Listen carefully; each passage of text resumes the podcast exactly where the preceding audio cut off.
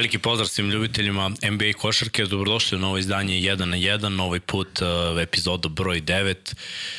Pričat ćemo o tome šta se desilo u NBA-u u prethodnih uh, nekoliko večeri. Imamo tri utakmice da najavimo četvrtu i odmah uh, ste prepoznali po thumbnailu i opšte svim objavama koje pravi Infinity Lighthouse da će ova epizoda biti s jednom drugom energijom u nekom drugom elementu, ali eto da ispoštujemo ono što se desilo, da ispoštujemo i naše sponzore koje, uh, koji su nas podržali, produžili smo saradnju, imamo naravno obavezu i prema njima i naravno imamo obavezu prema vama jer vi ste naši prvi i najvažniji sponzori naši gledalci. Znam da je bilo dosta zahteva hoće li biti danas, mi smo obećali da će biti danas i eto isporučit ćemo ovo što je bilo, tu sam ja, tu je Srki u realizaciji, tu je i Vanja.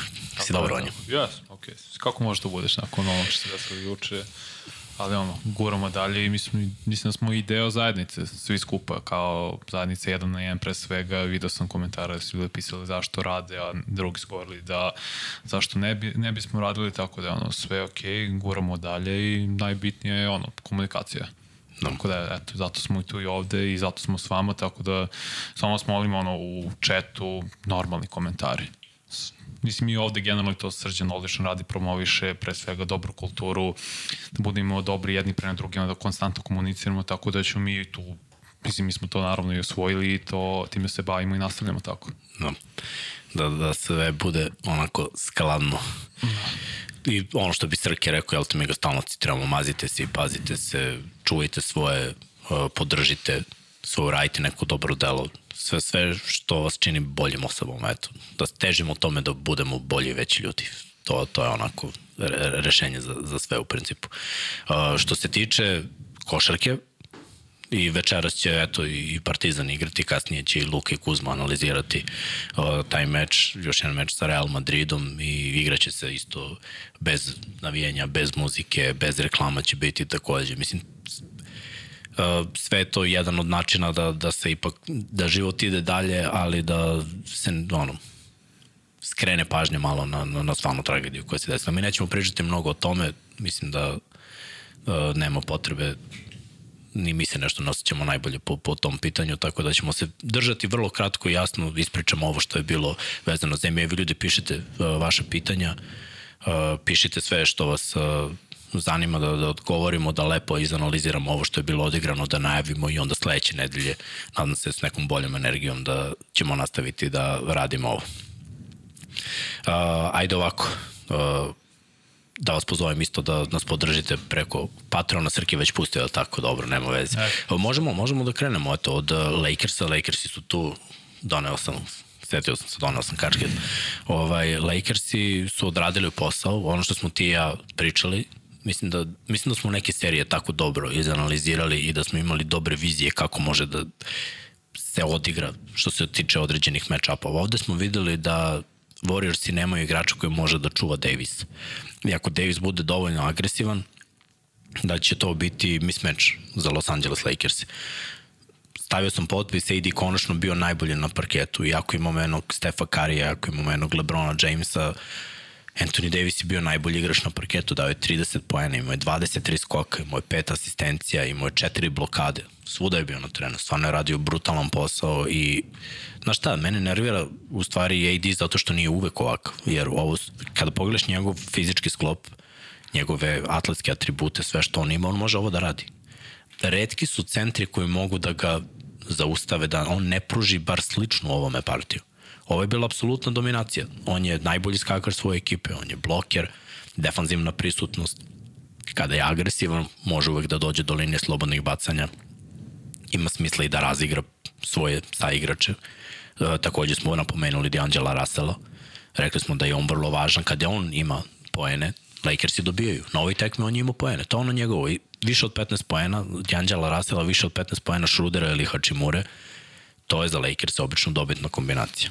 Šta je bilo loše za, za, za Lakers na ovoj utakmici, evo samo bi se dotaku tog poslednjeg, znači igrali su bolje, imali su prednost i onda malo opuštanje, loša realizacija nekih dobrih situacija u napadu u finišu i dozvolili su jednu seriju Golden State-a koja je na kraju ostala nedorečena, kratka, zahvaljujući trojici sa 9 metara Jordana Pula, iako ima jedan korak još ka trojici za možda malo bolji izgled, za, za, za lakši šut za 3 poena.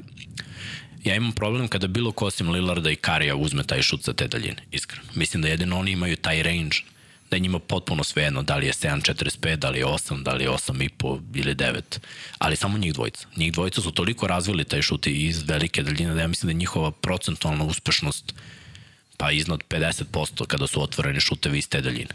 Mm -hmm. Za sve drugi igrači imam problem kada uzimaju taj šut.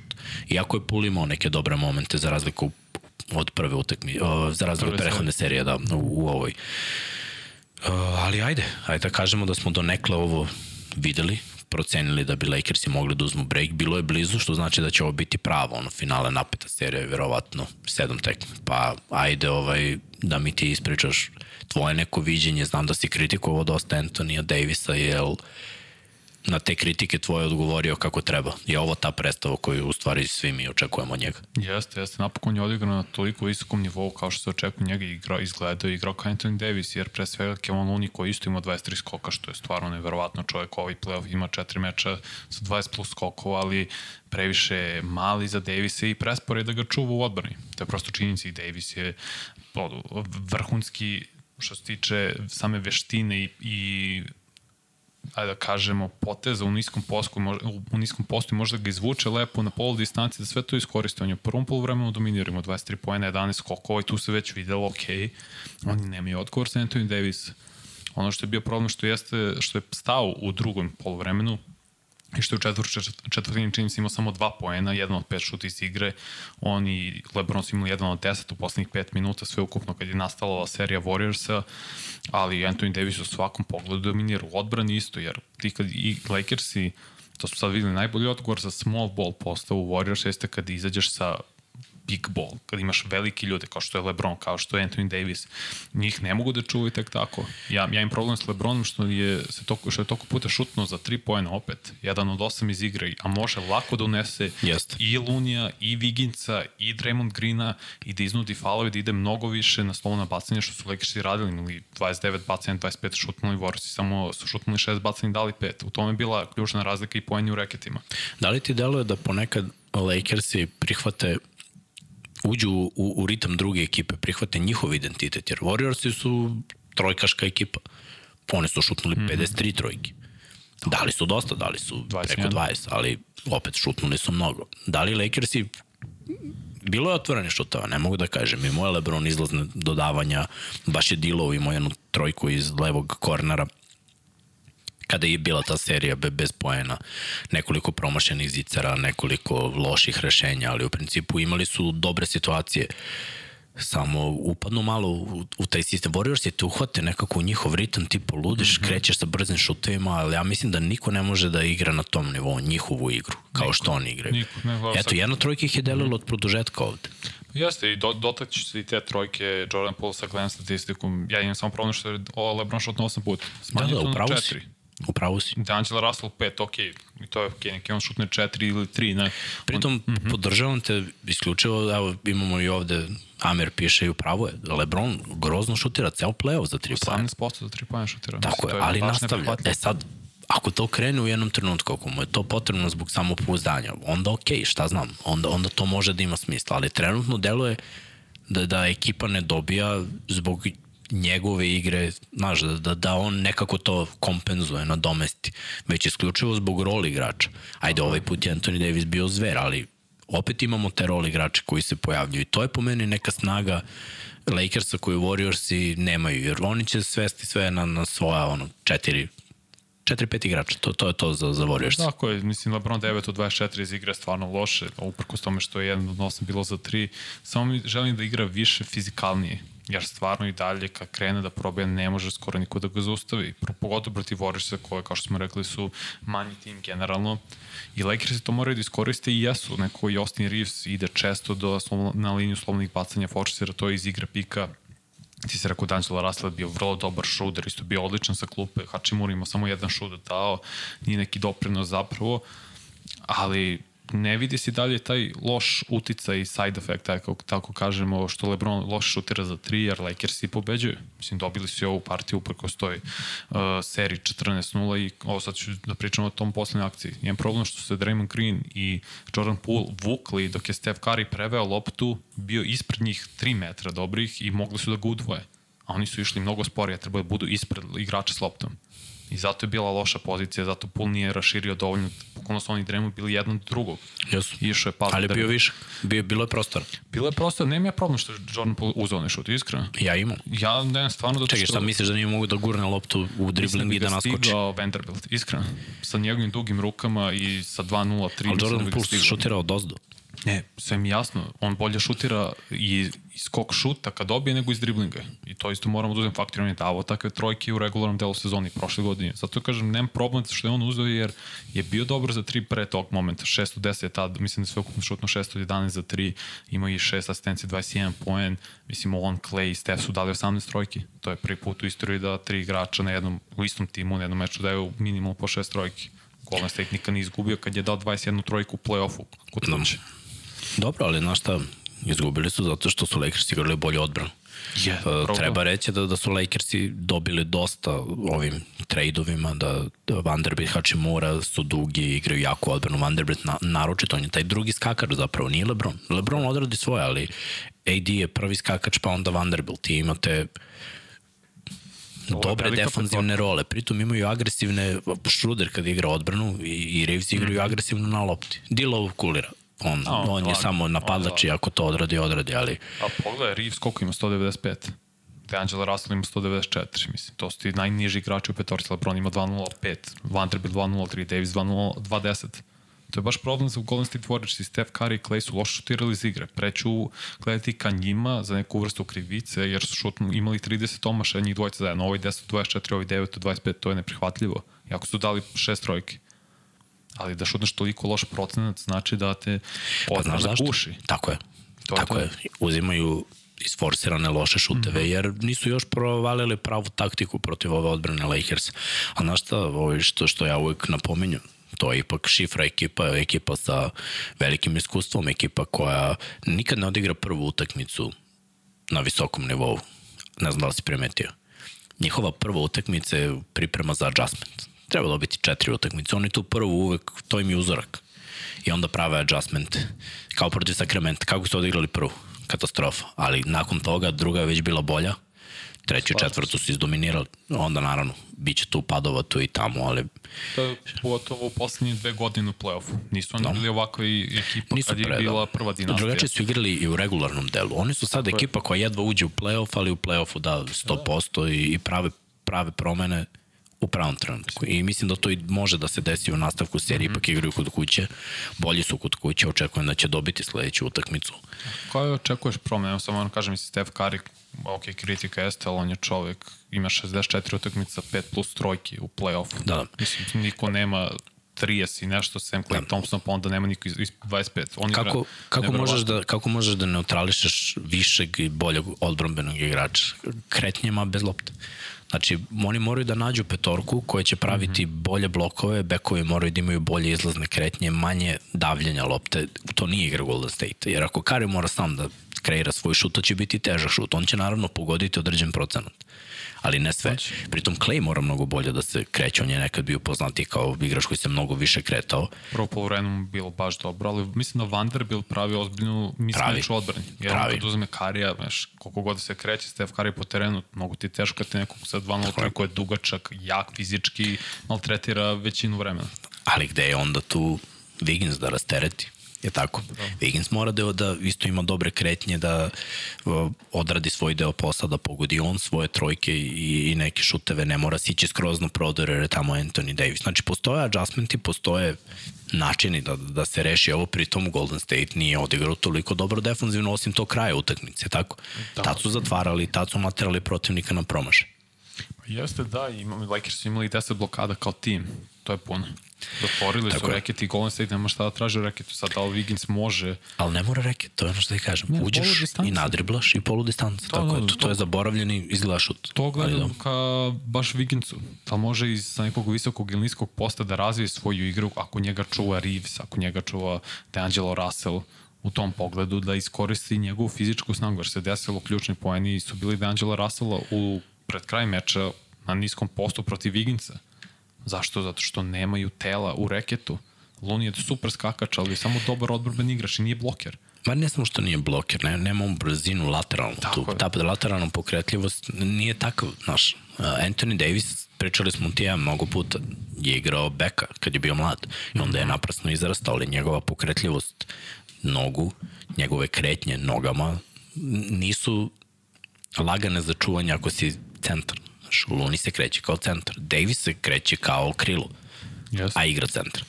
No, mnogo je teže. Draymond Green je mali i sitniji i niži. Tako je. Ne može da blokirate neke šuteve, onda mu otvara step back i polu distancu. Pritom, rekao sam na početku ove serije da će Davis imati te pick and pop izvlačenja Lunija iz reketa za prodore drugih igrača, za njihovu agresivnost i za bacanje. Mislim, to je samo logično i sve se to desilo. Tako da Golden State mora da pronađe neki način pa da eventualno živi od tih even, trojki Antonija Davisa, ali da Luni odigra distancu, da neko drugi preuzima. Moraju da nađu defanzivnu novu šemu i ofanzivno ono što smo rekli malo pre. To, ako, jer ako izgube drugu, ako sa 0-2 odu Los Angeles, to je to Warriors. Stvarno Yes. mislim da, da nemaju šanse protiv iskusne ekipe Lakersa sa, sa 0-2. Tako je. Isto kao Phoenix Suns. Ista priča. Gubiš 0-2. Mnogo Redko ko vidi da možeš da okreneš seriju. Pazi, obično se kaže serija ne počinje dok gostujući tim ne pobedi u gostima, što su Lakersi uradili, što naravno Sanci nisu i vidjet ćemo da li će Demert uspeti u petak na subotu. Ali ono što fali Warriorsima, što su uvek imali u svojoj prvoj dinastiji nekog visokog igrača koji će biti taj, da nazovemo snagator, koji će sediti u reketu, kao što je bio Andrew Pogut, kao što je bio Zaza Pačulija, na primer. Oni su mislili da će biti Wiseman, nije se isplatilo tradeovali su Golun je samo odrađuje super posao i igra maksimalno do svojih mogućnosti mislim bila Javel McGee njima bio vrhunski centar, da ti kažem. Ja. jest. Bloker radio je svoj posao, nije imao neku minutažu, ali 2.15 ima čovjek, a koji sam šutnim preko položi. toga. Tako je, uđu rek. Da, da. Dobro. Uh, 1-0 vode Lakersi, sledeći meč se igra Večeras. večeras, no? Večeras, večeras. Je, Da, da, večeras se igra sledeći nešto meč. ranije beš. Nisi sigur. Sad, sad, sad ću dođem da, pogled, znam da je da večeras, tako da bi svi imali odigrali u dve utakmice u drugoj rundi play-offa, jer su sinoć igrali Miami i Knicks, i na njima ćemo pričati malo kasnije.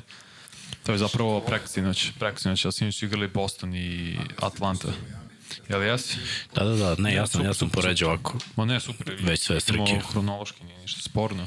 Samo da nađem mix kad igraju koliko sati. Ej, tačno. malo internet me zeza, ali evo ga.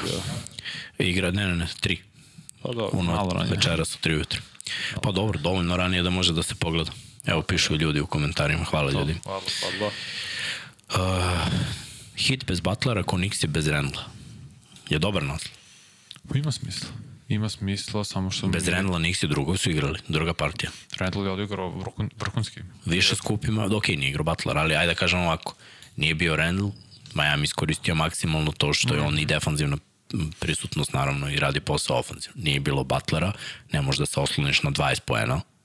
Ja, Butler je 20 poena. Minimum. 30 Ne, ne, ne, ali 20 je realno. 12, 20 je 100%. Da. Nije odigrao 30 u prvoj utakmici, tako. Da, 25. Tako je. Ali bez njega Miami se trudio, borio, ali nije bilo lako, jer su ovi odradili svoj posao, imali su dobro zamisao, dobru taktiku, stegli su malo više u odbrani i isporučili su. Svi su isporučili. Mislim, bilo mi je realno da neće imati ponovo Nixi onako katastrofalan procenat šuta. Bilo je ispod dva, bilo u stvari okruglo 20% za 3 poena u prvu. je. Je tako? 20 zarez nešto. Bilo je. Ali nije realno da to bude uvek. Znaš kako, nije realno, ali mislim, delo mi da su Nixi odigrali najbolje što su mogli. Mislim da bolje od ovoga ne mogu da igraju. Mislim, i Barrett je bio sjajan, Josh Hart sa 14, 11, koliko od 9 asistenciju, stvarno igra s takvom snagom, energijom i fizikalnim da je to neverovatno. Branson u drugom povremenu ima 23 pojena, 10 u četvrti četvrtini. To je bilo na kraju ključno. Randall pokidao, stvarno je odigrao jedan od svojih najboljih mečeva u play-offu, ali razlika je u tome što Nixi uprko s tomu malo nisu izgubili prvo sudije su pogrešili. On posle kad je bilo nerešeno, Da, lopta to je dirala. kritična greška bila sudija. Ja ne znam kako je to nemoguće da ne možeš da pregledaš. Mislim, znam, pre, sva- svaka sudijska odluka se pregleda u dva minuta pred kraj meča, ali da nema ni challenge, ni bilo šta toliko očigledno da je lopta okrezla obruč i promenila pravac i tačno Gabe Vincent u ruki koje je položio. Mislim da je to totalno promenilo pravac utakmice, jer posle toga slede trojke. Hart je dao dve, Branson je dao jednu, I to je manje više bila utakmica. Mislim, bat, uh, čet, Maja, igrači Miami Hita koji su nedraftovani su imali 74 pojena na ovom meču. To je rekord u NBA, to se nije desilo 66. Mislim, to što oni rade, kako ih skautiraju, je stvarno priča za sebe i za se odvoj podcast, ali Miami treba da se vrati u South Beach u na Floridu sa podignutom glavom. Uzeli su break. Možda Mislim, malo nezadovoljstvo, jer su mogli i ovde da uzmu, jer ja stvarno mislim da Nixi ne mogu bolje od ovog da igraju.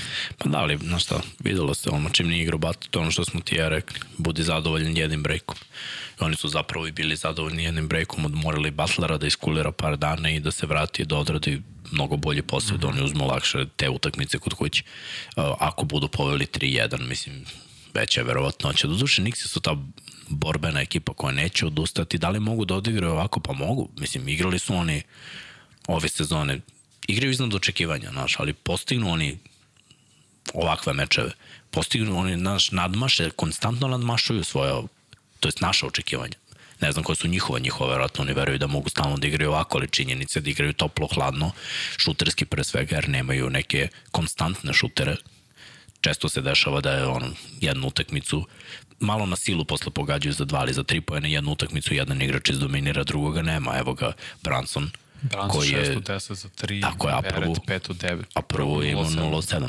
Znači to je od led hladno Mhm. Do 60%, mislim, 60% je vrhunski šut za 3 pojena. Ma da, ne, slažem zato kažem, Miami je odigrao vrhunski meč, se mene tiče, stvarno na kraju, o, zaista mislim da su i sudije krive što su onako završio meč, samo me ner, nervira činjenica što Adebayo igra tako pasivno, 5 od 10, samo izigra 15 pojena, Kapran imao double-double, u stvari nije imao double-double, pardon, imao 8 skokova, 6 asistencija, ali valjda kad Butler nije tu, ti si drugi najbolji igrač, all-star, kalibar igrač, treba da iskočiš, trebaš da nametneš samog sebi, da probaš da izdominiraš, makar to bilo forsiranje u nekim momentima, Mitchell Robinson, koji jeste više od tebi, koji je odličan uh, bloker, stvarno jeste, ali ti si all-star igrač, ti stvarno moraš sebe da nametneš svoju volju i da ti preuzmeš, da imaš makar 20 i 10. Jer mnogo znači kad, kad najbolji igrač povuče nego kad povuku nedraftovo, nedraftovani free agenti. Maltene, slobodni, slobodni igrači. Da, Velika je razlika. Jeste, ali šta da se radi, tako je kako je. Mislim, ja, mislim, ja verujem da su jedni drugi zadovoljni, njih su odigrali katastrofa, ali oni će se tešiti ni igro Randall. Miami je uzao jedan break, oni će se tešiti, dobili smo prvu kad je igrao Butler. I u seriji na četiri pobjede kada je krenulo sve 1-1, mislim isto je kao i 0-0, samo si jedan korak bliže, jedan stepenik bliže. Mm -hmm. Mislim da treba da budu i jedni i drugi zadovoljni ovim rezultatom i kao što smo i rekli u onoj prethodnoj seriji i ovde očekujem 6-7 tekmi. Što je dobro, eto, gledat ćemo Tako. košarku, vidjet ćemo ko će praviti bolje adjustmente, ko će biti zdraviji, ko će biti sveži. Sve će to biti faktor koji utiče, znaš, da koliko je ovaj zdrav, koliko ovaj može, koliko može minuta da iznese. To, to će verovatno promeniti i odlučiti na kraju ovu seriju. I treba da očekujemo mnogo bolje Laurija kod kuće. I on je podbacio 6 pojena, 6 asistencije, imao 3 od 9 iz igre. Očekivao sam njega će više forsirati, ali kaže da je Gabe Vincent, Strus 7 od 17, 7 od 12, Caleb Martin 8 od 15. I stvarno, svaka čast, sve pohvala njima. Mislim da je Vincent u nekim momentima pretirivao za 3, pošto šutno 4 od 12, ali je čovjek odigrao iznad svojih očekivanja i držao je Miami sve tu. Miami je vodio dok nisu krenuli, kažem ti, one trojke krenule. Prvo je bio Hart iz ugla, pa onda je bio iz pika Branson za 3 iz desnog 45, pa opet Hart iz ugla i to je prelomilo. Tandem Branson i Hart menjaju život za New York Knicks. Baš. Koliko su različiti igrači, se sjajno uklapaju. I Beret do, donese svoje. Imaju, mislim, ja, ja ih sve gledam kao bekovsku liniju. Dobra bekovska linija. Drugo je kada za Miami Butler igrao, onda je ta bekovska linija, mislim i njega računam tu, iako on ne šutira toliko, ovaj, i njega računam, on totalno promeni izgled te bekovske linije. Svako igra sigurnije. Nekako verujem da je Miami ekipa koja kad je on na terenu, mi smo pričali o tom njegovom momentu dominacije i kakav je on vođa. Kad je on na terenu, kao da svi šutiraju bolje, kao da svi veruju više. Isto kao i Milwaukee, mislim da ima za Janis. Znači, nije isto kad te u bitku vodi general i ono kao skupina građana, ajmo vile, sekire i, i ajmo u boj. Ni, nije isto. Znaš, nekako svi veruju kad ih vodi najbolji igrač. Mnogo bolji igrač kad igra najbolji igrač. Evo, pratiš dovoljno NFL da znaš kad ne igra prvi quarterback, da je ekipa mm -hmm. redko kada pobeđuje. Ali nije uvek drugi quarterback toliko igrački loši, nego jednostavno taj neki moment koji oni imaju sa sobom, ta neka aura, taj neki timski duh, taj neki doprinos, taj neki način da oni probude u Samo igračima, tako je, ali oni probude, naj, izvuku najbolje. To je u stvari najveći, tal, najveći nije to talent, to, to je najveći atribut, atribut neki igrački. Da ti možeš od svog saigrača da izvučeš najbolje. Jordan izlačio svojih saigrača najbolje, imao svoj svoj način. Možda taj način nije najbolji. Neko možda izlači drugačije to. Ali, ajde da kažemo da Jimmy Butler zna na neki svoj način da izvuče maksimum iz ovih svih momaka koje si nabrao. I onda realno, kada pogledamo ako on bude igrao u ovoj trećoj utakmici. Meni je Miami favorit, ne znam za tebe. Isto, ne, isto. I teško ti je da ne izvuče neko najbolji s tebe kad vidiš da tvoj igrač najbolji baca po terenu, daje sve od sebe, konstantno i odbranju napadu i ti budeš ono, pa ja neću ovaj napad, morat ću da štedi malo sebe. Toga nema. Ako najbolji igrač može to da radi i ti pratiš njegov primer. I to je jasno kao dan ne, nema šta tu dalje. Mislim, to, to jeste drugačije vrste uh, liderstva postoje što se tiče Lebron vodi je tim na jedan način, Jordan na drugi, Magic Johnson isto vodi na treći, Kobe i sve to slično, svako ima svoje načine svi ima svoje prednosti i mane, a na kraju krajeva ako pobeđuješ, ne pitaš koji je to način. Tako je. Nego da li funkcioniše to. Pa eto. Duncan isto je, mislim, čovjek je vodio bez reči. Jimmy, Jimmy ostaje samo da osvoji i onda, da, da. onda nećemo ništa pričati o tome kako predvodi ekipu. Svako ima svoj način. Znaš, Jokić je razigrava svoje saigrač. Kad bude osvojio ne možemo ništa da kažemo. Do tada svi mogu da kritikuju, ali mi nećemo zašto znamo ko je pravi MVP. Možemo dalje. Sledeće što ide je Pa... Dominantan. Ja sam mislio da sam pisao raskantao. ali nisam video... Kad budemo počeli da izmišljamo reči, Ali to izmišljena reč. U, u opisima, znam da ima, ali to... Mnoge reči smo mi izmislili, samo nismo ih stavili u potpis. Jeste, jeste. Naročito ja, ja sam taj koji stalno nešto koji nešto baci iz naroda, iz naroda, ove narodski. Da. Ovaj, Boston je bio dominantan. Boston je bio toliko dominantan da je mene bilo sramota za, za Filu i znaš šta, zašto smo ti ja, ja imam ovu teoriju, zašto ti ja verujemo da Boston osvaja istok? naročito u ovom mečapu protiv File, zato što Harden ne igra kao Harden iz Houstona kad je Embiid na terenu, kakav god Embiid daje. Embiid igra sa povredom LCL-a, to je lateralni ligament u kolenu, to je spoljašnji ligament, mm -hmm. koji daje kolenu tu stabilnost od kretanja levo-desno. Nije lako igrati s tom povredom, imao sam tu povredu, to, to je to smara, brate, to, to te boli, to te nervira, to ti ograničava kretnju. Si igrao samo kao zaštitom oko kolena? Igrao sam on... sa šinom, da, sa šinama. E, ti, pošto si igrao, možeš najbolje da opišeš. Skinuo sam je posle prve utakmice, lažem, posle druge utakmice, jer me nerviralo toliko. Dve utakmice sam probao, kad sam krenuo da dobijam te prve udarce, nekako sam stekao samo pouzdanje da je koleno dovoljno očvrslo, ali ovaj, u momentu u momentu kad sam me skinuo, dobio sam ono, neku pokretio se, bio sam u fazonu, brate, ako je suđeno da ono, pokidam koleno, ne ga pokidam, ali ne mogu da nosim ovo smeta, nervira, nemaš taj lateralni odskok. Šta je Srki rekao da linijaši igraju dobro, linijaši ne, ne skaču lateralno. Oni uvek imaju korak, oni nemaju, nemaju skokove kao što mi imamo, nemaju odraze, a u, a u košarci imaš i skokove i lateralnu kretnju i rolling okret, znači pivot, sve, sve ti to smeta. I ja mislim da je zato odigrao loše. Čitava ekipa Fila je odigrala loše. I ni jedan igrač nije imao 20 plus poena. Svi su imali ispod 20. Ne možeš da pobediš ispod 20 ni prosek ekipu. Ne znam da li bi Brooklyn pobedili sa ovakvom partijom, a ne Boston. Boston ih je očepio, bilo je 40 razlike u jednom trenutku. I ovo je u stvari onaj Boston koji sam ja gledao, Boston koji je razbio Milwaukee, Boston koji igra dobro defanzivno, koji preuzima i koji kad igra timski može da dobije sa partijom Tatuma ispod 10 poena, koja se desi jednom u sezoni.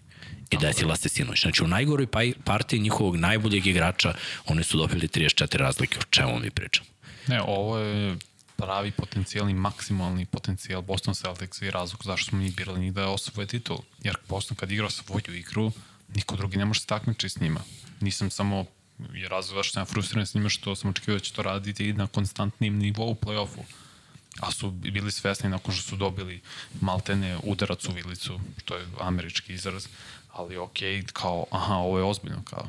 I znalo se da će mnogo zbiljnije shvatiti drugi meč i to su pokazali, mislim, kao tim su odigrali sjajno, šutnuli su 51 trojku, dali su 20, mislim da su mogli čak i efikasnije uh, sa tri pojene da budu, nije bilo potrebe, jer opet Embiid, I to je ta mentalna prepreka. Mislim, ja sam često igrao košarku sa steznicima s globovima, jer sam imao slabe zglobove, hvala Bogu, pa nikad nisam imao probleme s kolenima, ali sa zglobovima da. I mentalno to te buni konstantno. Ne mogu zamisliti kad moraš da stavljaš taj, nazovi steznik za koleno on, i moraš stalno ga vraćaš gore, dole, pa paziš da te neko ne udari, pa imaš taj kontakt i sve.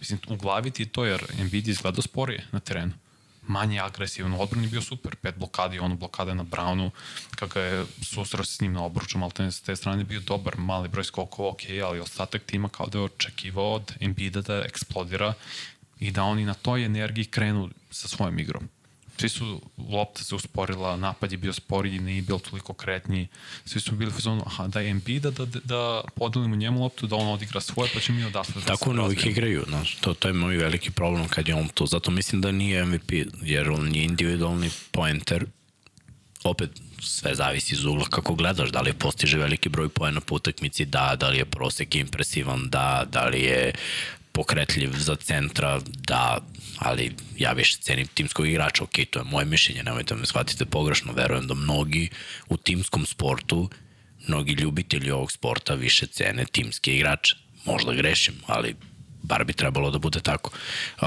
još jednog igrača sam pominjao još u prvoj seriji, Grant Williams, koji je prošle godine bio nosilac 4 od 8 za 3, to su mu jedini poeni. Četiri skoka, četiri asistencije. Dobra odbrana, on je jak, može da čuva od 2 do 4 pozicije, mm -hmm. jako dobro kupi, pomaže kada se postavi zona i gledi, samim tim što on ima poverenje da šutne 8 trojki i da pogodi 4, to je 50% šuta iz igre. Dobija Boston neku širinu i rasterećuje glavne playmakere, Browna i Tatuma. Iskreno mi nije jasno zašto ga nisu koristili ranije, to sam pričao još u prvoj seriji kada on nije igrao, kada mi nije bilo jasno zašto ne bi ubacio momka koji igra dobru odbranu, koji dobro šutira za tri i pritom nijednom nije ušao na ulaz, a dečko je prilično jake može da protiv nižeg da ga ugura u koši i da dobije bacanje koja dobro šutira i može i da reši.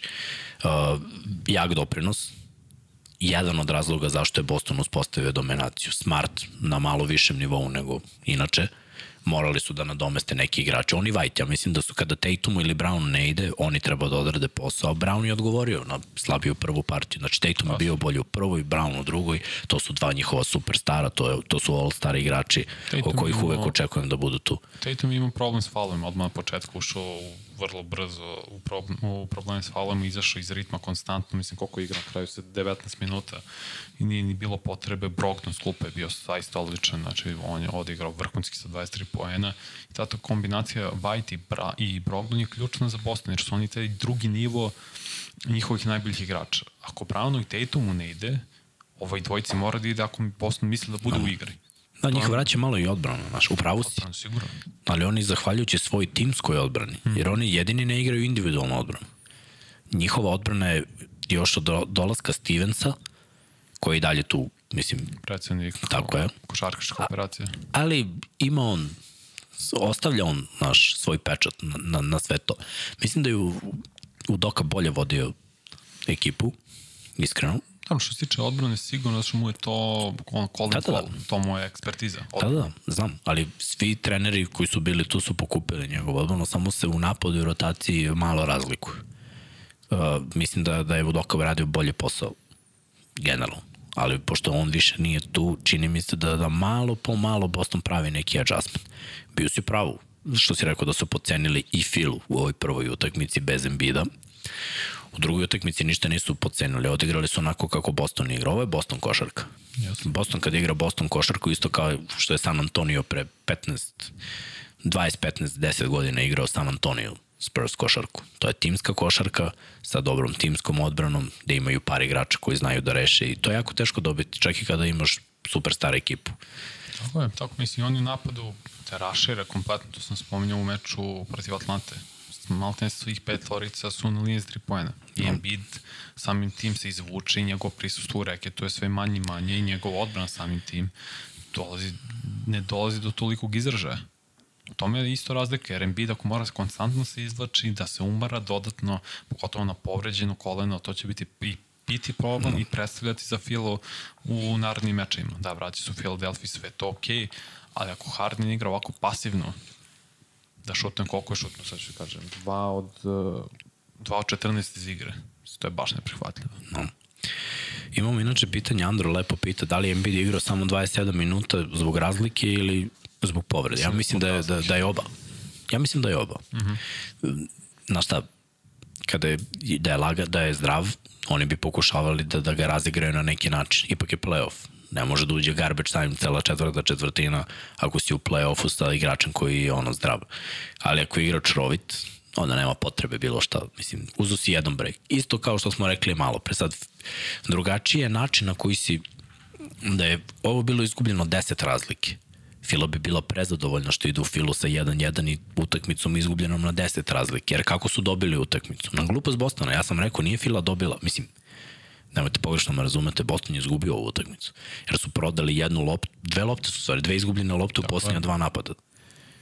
Tako, su, tako je Filadelfija dobila utakmicu. Znači, Boston je imao meč, konce igre, sve je držao u svojim rukama i na kraju se sve izjalovilo. Ali u ovoj drugoj utakmici smo videli nešto dominantno. Znači, Fila mora da odigra savršen meč da bi dobila Boston. A Boston kad odigra savršen meč, to je 40 razlike. Mislim da je jasno ko je ovde bolja ekipa. Tako. Uh, Željko Đorđević donira i pozdravlja nas, zahvaljuje se što držimo podcast. Mora malo, mora malo da unesemo ne, neki pozitivne energije, malo da sklonimo misli na, na neke vedrije stvari, kao što je sport. Da. Jel ima još pitanje? To samo se dotaknemo. Uh, pa gledaj, uglavnom se svi slažu sa nama ovo što pišemo. Upisali su on Harden 2 od 14. Jeste. Harden je bio pasivan i ovo što je šutirao, šutirao je loše. Harden ne može da igra. Harden je lik koji je u Houstonu igrao tako što četiri igrača se sklona, on igra 1 na 1, što meni grozno. Ali to je jedina igra gde Harden može da doprinese. On pick and roll sa Embiidom nepokretnim, povređenim, ne može da igra. Oni žive od tog pika cele sezone. Mm -hmm. Od pick and popa, ne samo od pick and rolla jer Embiid jako dobar šuter za tri pona, ali sad je Horford pokretljiv dovoljno da zasmeta. Mislim da Boston ima, ako pogledamo match-upove, mnogo bolju i jasniju sliku ovde. Filadelfija da bi dobila, glavni igrači moraju da imaju preko 20. Pazi, Maxi i ne sme da šutira 614, Harden 2 od 14, Harris je bio efikas 7 od 12, samo nedovoljno broj šuteva, mislim da će se promeniti, da će im biti šutnuti 20 puta, ali to opet zatvara drugi igrače. Ne kažem ja da je Fila bolji tim bez Embida, nego se prosto lepše kreću i slobodnije. Onda su svi u fazonu, e pa mogu ja da uzmem šut, mogu ja ovo, mogu ja ovo. Pre svega Maxi i Harden, ovako su neko stegnuti. Harden delo je pasivno, on se konstantno prilagođava sistemu u kom se nalazi jedan, na jedan način igra Oklahoma City-u, na drugi u Houstonu, na treći u Brooklynu i sad na četvrti u, u Filadelfiji. Jer u tri od te četiri situacije on nije bio najbolji igrač na terenu nije bio najbolji igrač u svom timu. To je očigledno kod dan i sad vidjet ćemo šta će on uraditi sa svojim karijerom i sve, sve više i više šuška da će se vratiti u Houston. Što dobro, ok, možda i njemu ne odgovara ovaj način igre konstantno bude de facto playmaker, jer to Maxi nije, on je više pointer i on treba dobije više lopti. Da se to neko no. prilagodi, da njihova tri najbolji igrača, sva trojica imaju između 15 do 20 šuteva. A da to budu dobre i kreirane akcije Da li ti deluje da to može u Fili ove godine? Mm, Meni da ne deluje. Mislim da je zbog povrde Embiida. Mislim, do, možemo i sad pričamo o tome, Embiid jeste bio proglašen za MVP-a. Ja sam to pričao, ja nemam zaista problem s time. Čovjek imao 33 pojena, 10 skokova, to niko nije imao od Bob Meka do 75. 6 jeste, godine. ali je isto i prvi MVP koji je propustio 16 tekmi. I to jeste. Oso, čak sam mislio da je propustio više, iskreno. Mislim 16 Zato što smo navikli da on stalno propušta tek. 20 Evo minimum. propustio i u play-offu kad je najbitnije. Tako je, on u svake godine u play-offu propusti. Ja kažem, zato kažem, njegov tim ima više pobjeda nego Denver i Jokić, pošto gledamo to, ako ćemo gledati sve ukupno, mislim, možda i Janis treba da bude MVP. Brutalne brojke, prvi seed u NBA u celom. No. Gleda samo regularni deo sezone. Zato kažem, ja nemam problem što je Embiid bio MVP uz četiri asistencije, što je beležio i faktori u odbrani mislim, očekivano Jeste. prisustvo sa svojim blokadama. I ovde imamo blokade na ovoj tekmi, ali znaš šta, Boston je ekipa koja se vrlo lako adaptira. Stoji. Ono što im ne ide, oni će da promene, naći će neki put i znaš, tamo je bio taj choke moment u prvoj utakmici. Nes, neshvatljiv jednostavno za Boston koji ima iskustvo sad. Nije to ekipa od pre 3-4 godine pa da shvatiš prošle godine su igrali finale. Sve ispod finala je slabiji Neuspeh. rezultat. Pa, ne mogu kažem neuspeh, tu bi se složio sa, sa Janisom, nije to ono fail, E, nije neuspeh, samo je neispunjavanje očekivanja. Znaš da si bolji od toga, ali mislim, jednostavno ima i druge ekipe igraju. Ne pobedi tu uvek slabiji protivnik. Ne- Neka te neko nadigra, treba pružiti ruku i FK sledeća sezona, to je Ne, samo način na koji izgubiš. To je neko meni definicija da li je uspeh ili neuspeh. Način na koji izgubiš ako Fila bude izgubila 4-1, sad na primjer, da je banalan primjer, džentlmensko čišćenje, to je neuspeh. da. Objektivno neuspeh, nema, nema šta tu, ja razumim, ja podržavam Janisov govor, sve to okej, ali to je neuspeh. Zašto nije neuspeh za Milwaukee? Zato što si Janis bio, po, bio povređen malo te tri meča. Tako je. To je validno opravdanje. Možda sad Embiid neće igrati ili igra Rovit, ali ako si na terenu, Ako izgube 4-3, nije, nije igrao tu jednu i Ne, i krive zbog je, toga, Ok, pa da. nije, ali ako si na terenu, nema opravdanja. Mislim, to, to znači to što pošteno, najbolje. to pošteno, tu si upravo. To je to, prosto igraš s time što si dobio, vidjet ćemo ono sad. Ako se zamisli da se ovo desilo Jokiću. Pa To- Denver to- ne bi imao šans. Ne, ne, da su dobili prvi bez njega, da su izgubili drugi, da su izgubili drugi meč sa njim 30 nešto razlike. Pa urnisali bi, ja se vinjam na izrazu. Ali to bi bilo uh, omalovažavanje, kritike na sve strane. Bilo bi. Sigurno. Svesni smo da bi. Nema to. Da. Možemo, možemo idemo dalje, Srki. A, Sledeća je zapravo najava, pošto su samo tri utakmice odigrane, sinoć si igrao samo Boston Fila. Tako da ovo što ćemo da najavimo zapravo jeste Denver protiv Phoenixa. Stigla je informacija da će Chris Paul sigurno propustiti tri tekme. To je možda dovoljno Denveru da zatvori ovu seriju. Uh, serija bez Krisa Pola u drugoj utakmici, kad se Paul povredio, mislim da je bilo 20 nešto razlike, mislim da je 24 da razlike bilo za Denver. 40 nešto, 20 nešto, nemojte me držite za reč, ali, Mislim, bilo 41-28 na kraju. Da je bilo baš, bilo je ali tri... m, da ne računamo garbage time, da su ušli svi iz klupa iz jedne i za drugi. Okej. U, u jednom, o, jer je garbage, u, tu je Mislim da je Phoenix. onda bilo da, 25-8, da to nešto smo pričali u prekom otprilike 20 raz, poena Denver je napravio bila je ta jedna serija 25-6 ovaj, ta, ta serija je napravljena uglavnom zato što nije bilo pola bez njega njegovih polu distanci njegovog pika sa Ejtonom njegovih proigravanja, izlaznih dodavanja i, i nekih šuteva koji on uzme sve će se svesti na solo kreacije Durenta i Bukera Ejton mora da odigra kao Olaj Joan da bi oni ovo dobili, ej to neće odigrati tako. Durant i Booker moraju u zbiru da imaju 80 poena, to je jako teško protiv timske odbrane Denvera, koju, Denver igra jako dobro odbranu, iskreno.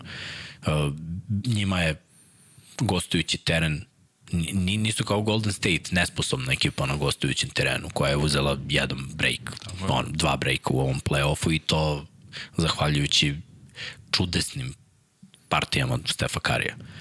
Denver igra drugačije. Oni se hrane tom nekom odbranom, imaju dobru rotaciju, zavise u svog konstantnog playmakera koji nema adekvatnog čuvara, koga god da rotiraju Sansi na Jokiću, nema adekvatnog čuvara.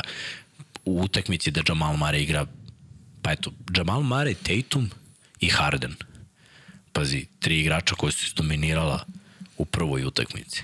Je tako? U drugoj utakmici svi partija. podbacili. Svi podbacili od toga ono, jed, Tatum s jednocifrenim učinkom. Pa to, to ne da nisam očekivao, to je prvi jednocifreni ove sezone. Mm -hmm. Baš užas. Biće, biće teško za Phoenix jer Chris Paul em što sebi kreira laki šute, što se spominjao kroz pol distance Aiton otvara toliko prostora iz pika da on samo naskoči u reketu i to su laki poeni. Znači on za Aitona stvara jedno desetak poena po meču. Ovo za ove ostale pitanje kako će Cameron Payne to da nadoknadi, da li može? Mislim da Monty Williams treba se okrene više klup i više Terence Ross, Ross da dobije priliku, TJ Warren takođe dobije priliku. Su to neki igrači koji sami za sebe mogu da stvaraju pojene dodatne.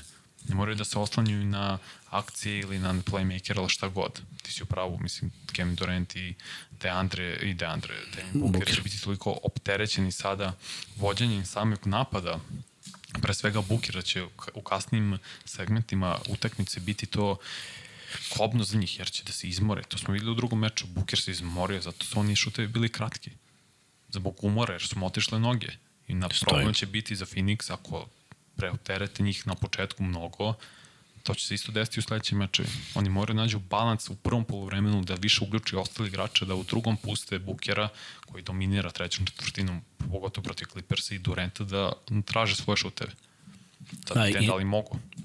Inače, Phoenix igra mnogo bolje kada igraju brži tempo na veći broj poseda. Naravno, ulazi u obzir tu statistika njihove realizacije, jer ako šutnu, ako imaju 50% šuta, šutnu 100 puta na utakmici, vrlo verovatno da će pogoditi 50. Ako gledamo tu statistiku, naravno. A, ako budu uzeli 150 šuteva, veća verovatnoća da će imati veći broj pojene, tako. A, svoje falinke ti možeš nadomestiti jačim pejsom. Denver zna da upadne u pace druge ekipe. Ja ne znam samo da li oni imaju playa koji može da izdiktira, da li je, da li Payne taj igrač koji može da izdiktira, jer sad nije na njemu da diktira pace, da svaki šut u svakom napadu bude u 15 sekundi. Da žive od tih brzih šuteva, promašivaće naravno, bit će slabiji procent, ali će imati veći uzorak. I onda slabiji procenat na većem uzorku je veći broj. To je jedan od načina da se odigra. Znam da ga zvuči glupo, u evropskoj košarci neko bi rekao šta priča ovaj dečko, ali u NBA-u smo mnogo puta videli da ekipe to rade. Zapravo NBA kao i NFL se u posljednjih nekoliko sezona vrlo često vode brojevima. Analitikom, da, da. Analitika, tako je. Jasne. Znači, ako igraš brži pace i imaš lupan 35% šuta iz igra, šutni 150 puta i imaćeš veći broj postignutih poena, jer imaš playmakere koji konstantno pogađaju određene šuteve. Jednostavno je tu matematika, ono što ne, uh, Phoenix ne radi dobro jeste što se previše oslanja za šut sa pol distance, to su dvojke. Oni ako misle da nadoknane te neke poene, moraju više za tri da šutiraju. Mislim, vrlo je opet jednostavno, tri je više od dva. Oni se previše ostanju i Booker i Durant šutivima za dva. Jeste da je Durant šutno 12 roke, mašao je 10, ali mora pronađe svoj ritam. Da uđe to u neki svoj ritam, da će imati otvorenja šutove, da neće sve biti preko ruke ili većina i prosto moraju više trojke da pogađaju. Jedino tako mogu se nositi sa kompletnom i izbalansiranom igrom Denvera u napadu. Jer Denver može da spusti na Jokića, da se uspori napad kompletno, može Mara da traži svoje pol distance, može za 300 ispika da traži, u kornerima čeka Gordon, Michael Porter Jr. isto može da ili distanci ili za 3 pojena KCP je ekspert za 3, znači oni imaju na razni način da te povrede u odbrani, konstantno. Imaju. I to je problem što opet Phoenix osnovne previše su nekad jednodimenzioni, samo šutevi sa pol distanca, malo Ejton, onda moraju da uključe i šutevi za tri pojene. Moraju. Moraju. Pa to je ovo što kažem, brži pace i mnogo više šuteva kakvi god bili. Ući u neki šuterski ritam. Mm -hmm pokušati to na, na silu, verujem da će na treninzima da probaju, mislim, zato su imali ovu veliku pauzu, tri dana. Četiri, kažem ti. Mi, mi Ali mislim, tri dana za treniranje. Da, imao si dovoljno vremena da Williams je jako dobar trener. Jasno. Mogu je da napravi drugačiju taktiku, mogu je da vidi snimak, da pogleda, analizira šta radi Denver i, i da proba da, da promeni nešto, jer bilo je promena od prve do druge utakmice. No, produžuje. Njihova odbrana, jeste i njihova odbrana je bila bolja. Fizikalno. Znači da nastavi se sa takvom odbranom, ali pojačati pace u napadu. Jer ako bude 3-0 za Denver, to je čao zdravo. Inače, ovo utakmica se igra sutra, petak na subotu, mm -hmm. u 4 ujutru, tako da znate.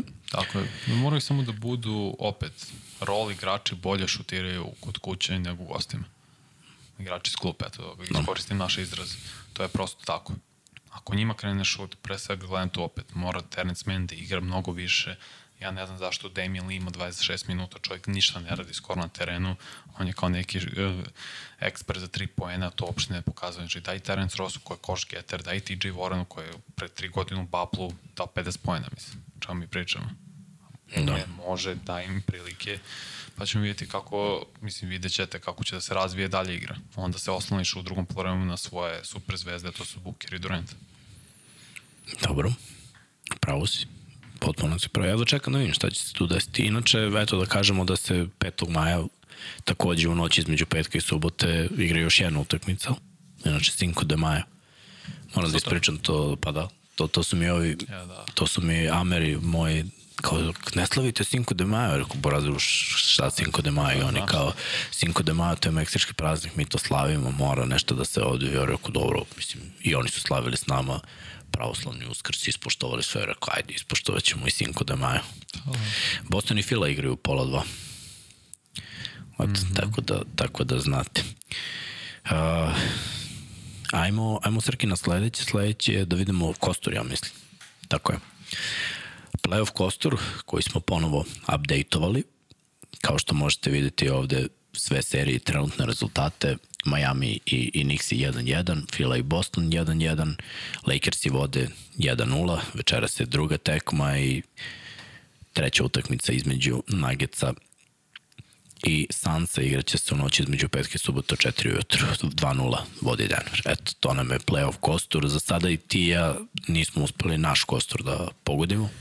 Dobro, ne svako. Milwaukee, Milwaukee. svako je pogrešao, ali ako ih nekako, da, Miami nismo videli uopšte, ali ovo drugo, tipa ja sam video Nikse, video sam Sanse, ima tu da, moja greška je za sada biće Phoenix Sansi koji uopšte nisu radili ništa.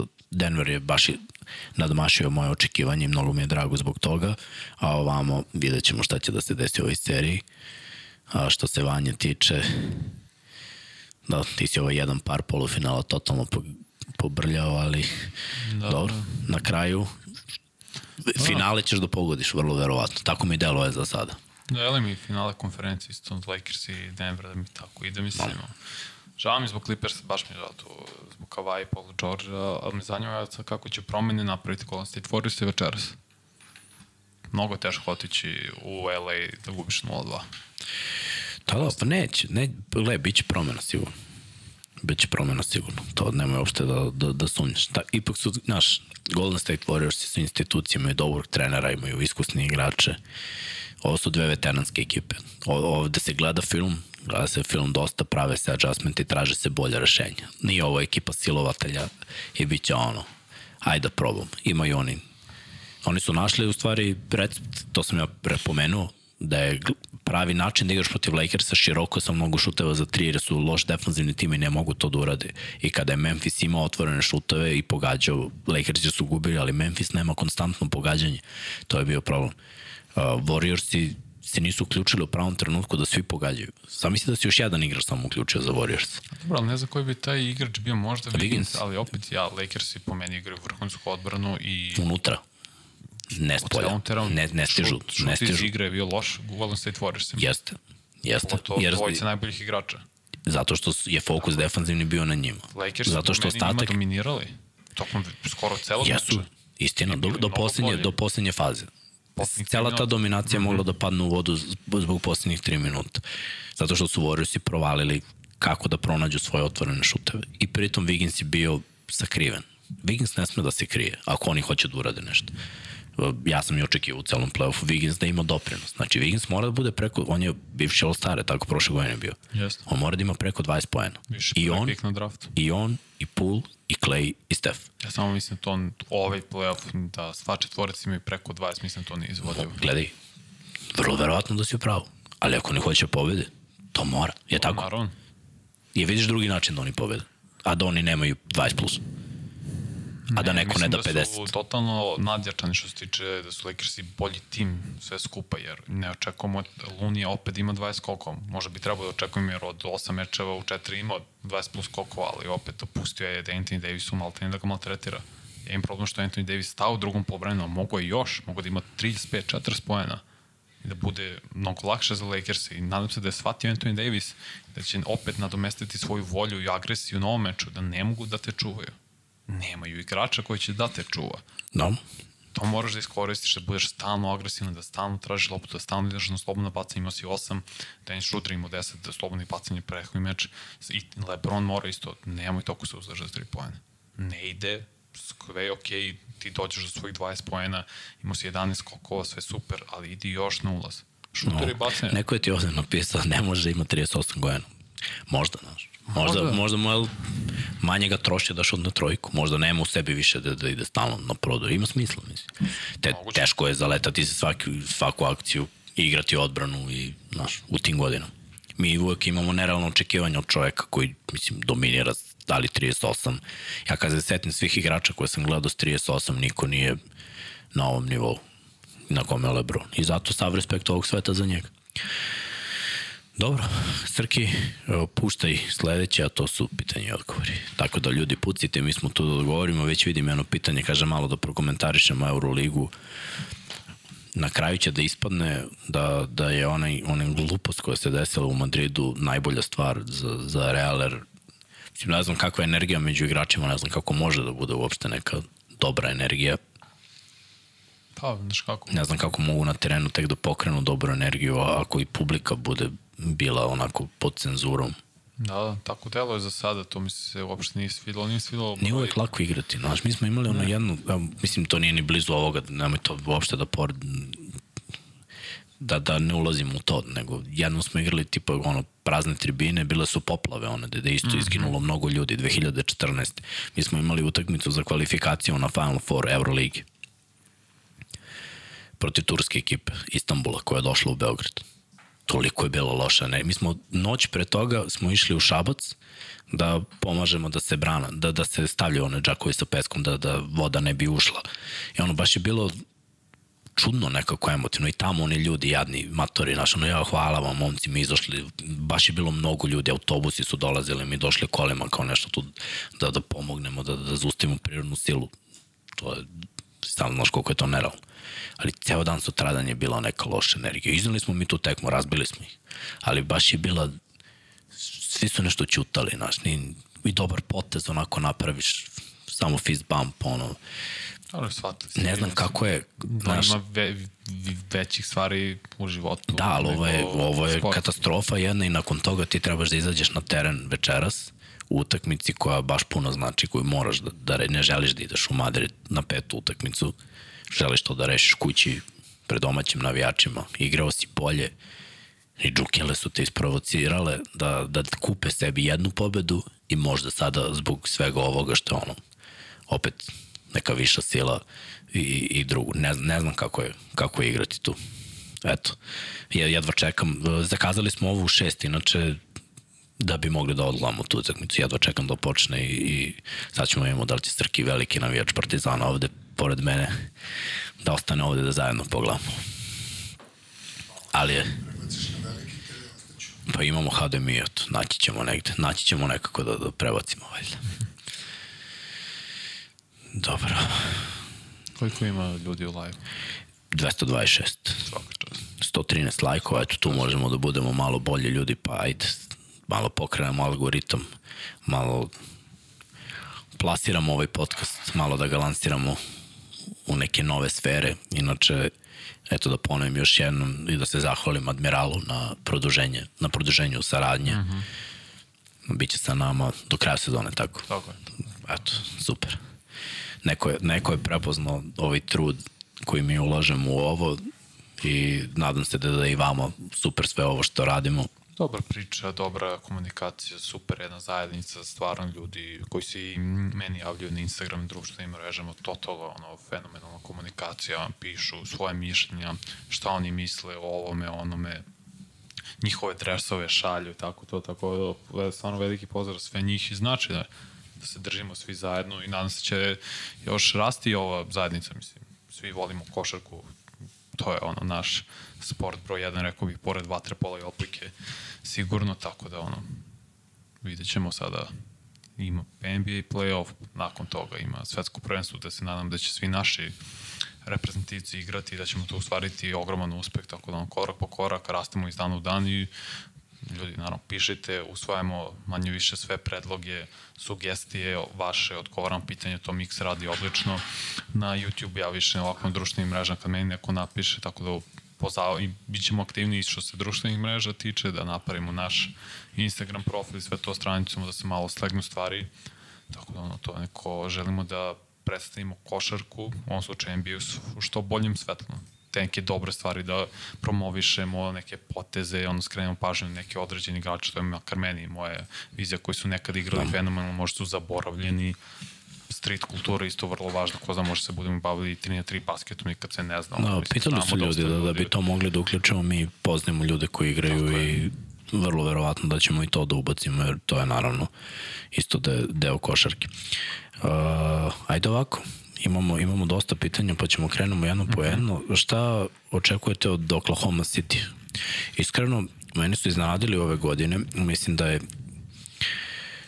Gilgis Alexander porastao onako kao je pa u zvezdu. Sad mogu da kažem, više nije to mlada nada, sad je zvezda. Uh, veliki napredak, instant poeni, atleta, ima podršku ekipe. Za sada igraju malo divlje, ne znaju da se obuzdaju u nekim trenucima. To je problem protiv iskusnijih ekipa, ali već sledeće godine mogu da ih vidim u, u play-offu. Ša je bio top 5 u MVP glasanju. Sad neko ko je dva, ima 24 godine, mislim, on im je najbolji igrač, on treba bude lice franšiza kao što jeste. Znači, samo da vidim ko, se, ko je sve u tom timu Thundera, oni imaju dosta pikova u prvoj rundi, mislim, imaju 15 pikova u prvoj rundi u narednih 5 godina, što je za NBA standarde sludo i čekaju Chet Holgrama se vrati, mislim će imati ove godine top 10 pika, čini mi se. Da li da utope te pikove za all star igrače jedno? Da malo ubrzaju taj proces. I, mislim, zanimljivo su, evo sad ću dodam konkretno i na tim i sviđa mi se Lud Dort mnogo. Mislim da bude, može bude ozbiljan igrač. Mislim, Dort, gledam sada, Ša je tu, Josh Gid je fenomenalan. Mislim da on može da bude drugi najbolji igrač, eventualno treći na šampionskom timu, ko njega treba ga rade, čekaju Chet Holgrama, ali imaju ovi igrače, mislim, Jalen Williams i Jalen Williams, koji su veoma zahvalni igrači, no. ruki, mladi igrači. Napredovaće još. Hoće Tačno se vidi, znaš, mm -hmm. oni su u, u principu tek ono, loading, Znaš, tek učitavaju, tek kapiraju Tako. neke stvari. Najbolje zapravo svaki sport igraš kada ti se igra malo uspori. To, to neki igrači u Oklahoma još uvek nemaju. A to ti treba, mislim, u, svakom. Jer ti samo, oni za sada sve ide ludo i brzo. To, Tako mi je stvar. ekipa, ja, to, to je njihov opis. Ali samo kad bi u jednom trenutku to brzo postalo, što ono razmisli, prodaj foru, e sad brzo bili bi mnogo više uspešni. Ali dobro, svetla budućnost, mislim, svakako. Pa samo je pitanje u kom, uh, kojem brzinom žele da ide što tiče rebuilda. Da li će čekati naredne 4-5 godine? Nema potrebe. Ili da ubrzaju. Zato kažem, da li Vanja, da ja mislim da su oni jednog dobrog igrača daleko od play-offa. Ne od play ja mislim od ozbiljnog I da skinu nekom skalp.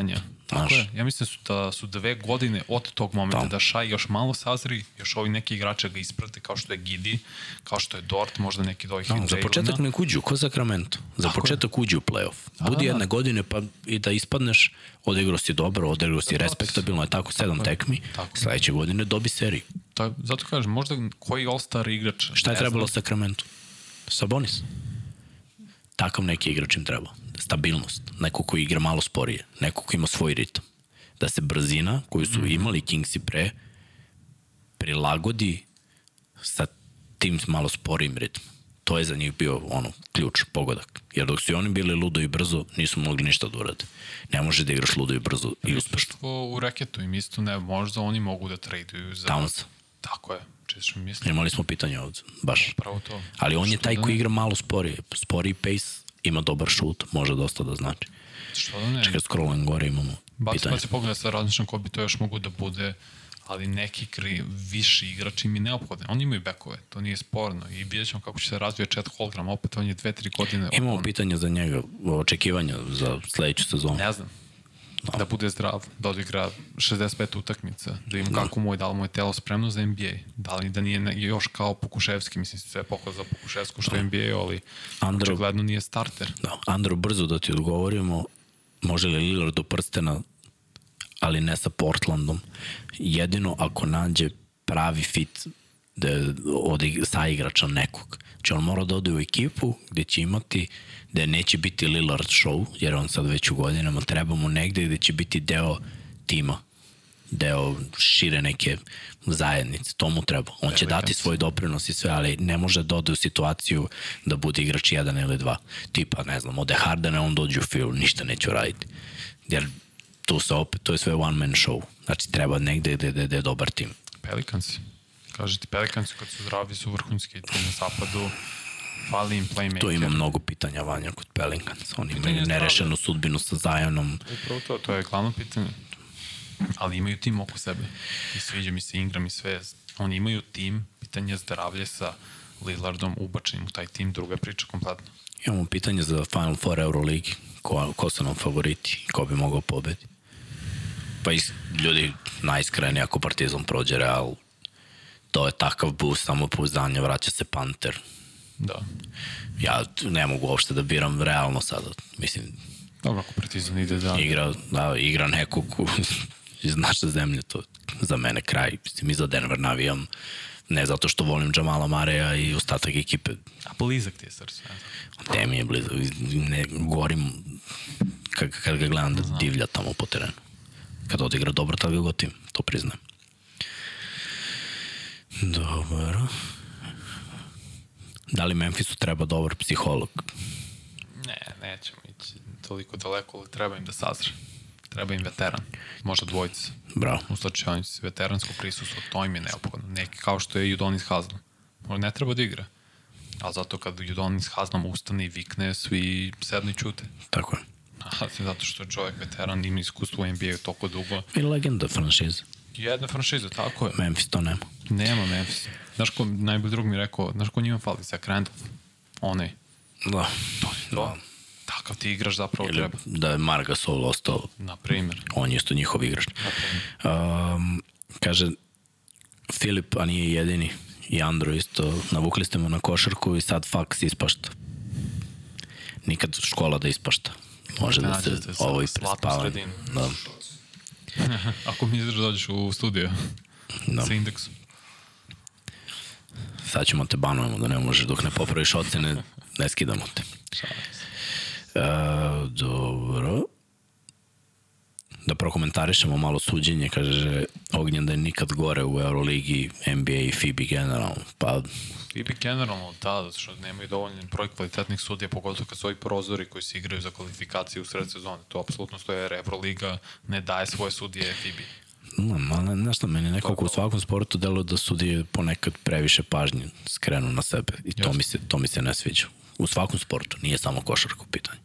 Koliko kritikujemo i NFL, mislim ja i futbol kad pogledam zgroznice nekad, ali naročito mi je krivo kad ima više sudije, kad imaš snimak i kad neke stvari stvarno mogu da se vide, da, da ovaj postoje te neke nedoumice i neke loše odluke i kompenzacije. Najviše se ježim kompenzacija. Mm. Bolje nemo sviraš ništa, nego lažno da, da sviraš ovamo i onamo posle da se kompenzuje. Znači, najbolje da se pusti. Zato mi se svidelo suđenje ova utakmica zapravo uh, Denver i, Phoenix, drugi i meč. Phoenix druga utakmica nije bilo uopšte ni na jednoj ni na drugoj strani, bilo je šamaranja po rukama, bilo je ulaska ramenom, oni bukvalno ništa u jednom trenutku nisu svirali, a faulove u napadu prilikom postavljanja bloka su svirali iz napada u napad, znači ovde je bilo isto ta stvar na drugoj strani, znači nema kompenzacije, znači svaki taj neki udarac kada se pomeraš i malo se pomeraš u bloku da se svira ka, kao faul, to mi je do neklo okej. Tako da mi je to bila jedna od redke koju sam pogledao, sad mnogima to nije po ukusu, mnogi bi rekli ovo je faul, ovo su trebalo da budu bacanja. Bolje da nema prekršaja nego da, da bude za sve faul.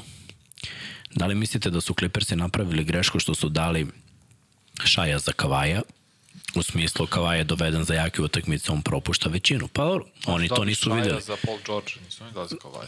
Ali do, ajde, ajde da prokomentarišemo generalnu sliku. Ajde ovako, da preformulišem Jovanovo pitanje. Šaj je otišao da bi došli ovi. Da li misliš da je to dobar potez? To niko yes. nije mogao da vidi, jer šta si ti vidio u tom trenutku? Paul George koji može da rešava utakmicu u play-offu i Kawhi koji je osvojio sa San Antonijom i Torontom. Pa Da, evo ti, Pritom su momci iz LA-a, hoće da igraju u Los Angelesu, a neće da igraju za Lakers. S biznis strane. Ne, ne, ne, ne. Oni su teli da igraju za Lakers. Nije bilo neće, nego se vi... Da, ok, da, pre, da se prepre. neće, nego ne može. Upravo si, tako ne je. može, ali samo pogledamo tu sezonu koja se završila tad kad su došli od njih dvojice. Paul George je bio top 3 u MVP glasanju za Oklahoma City Thunder. Igrao fenomenalno, možda svoju najbolju sezonu. Kawhi je bio MVP finala, odigrao najbolji playoff, ono, jedan od najboljih playoffova ikada za bilo kog igrača i mi ti dobijaš njih dvojicu. Ti nisi mogao znaš šta će Šaj sa 20 godina biti u poređenju sa... Nisi, pa To je sada ono retrospektiva. nisi mogo ne znaš da će ovi da budu povređeni svaku Tako tako. je. Da bih i opet ponovio bih sve to. Mislim, jer Clippersi kao franšiza su se podigli, ajde ako samo da ako gledamo marketing i financije, mnogo. Njihove da oni su mnogo porasle dolaskom njih dvojice. Samo u tom pogledu i uspeh za Clippers i biznismena kao što je Steve Ballmer koji rukom srce obožava košarku, stvarno je toliko predan i srdačan prema tome da ti vidiš njega pored trena koliko se on raduje svakom košu, skače najviše, najglasnije od svih i to se ceni za vlasnika. I on bi isto ponovio to, nema, nema šta ovako otvaraju i novu halu, bit će totalno nezavisni od Lakersa i to je to, ne, mislim da su uopšte nekaju.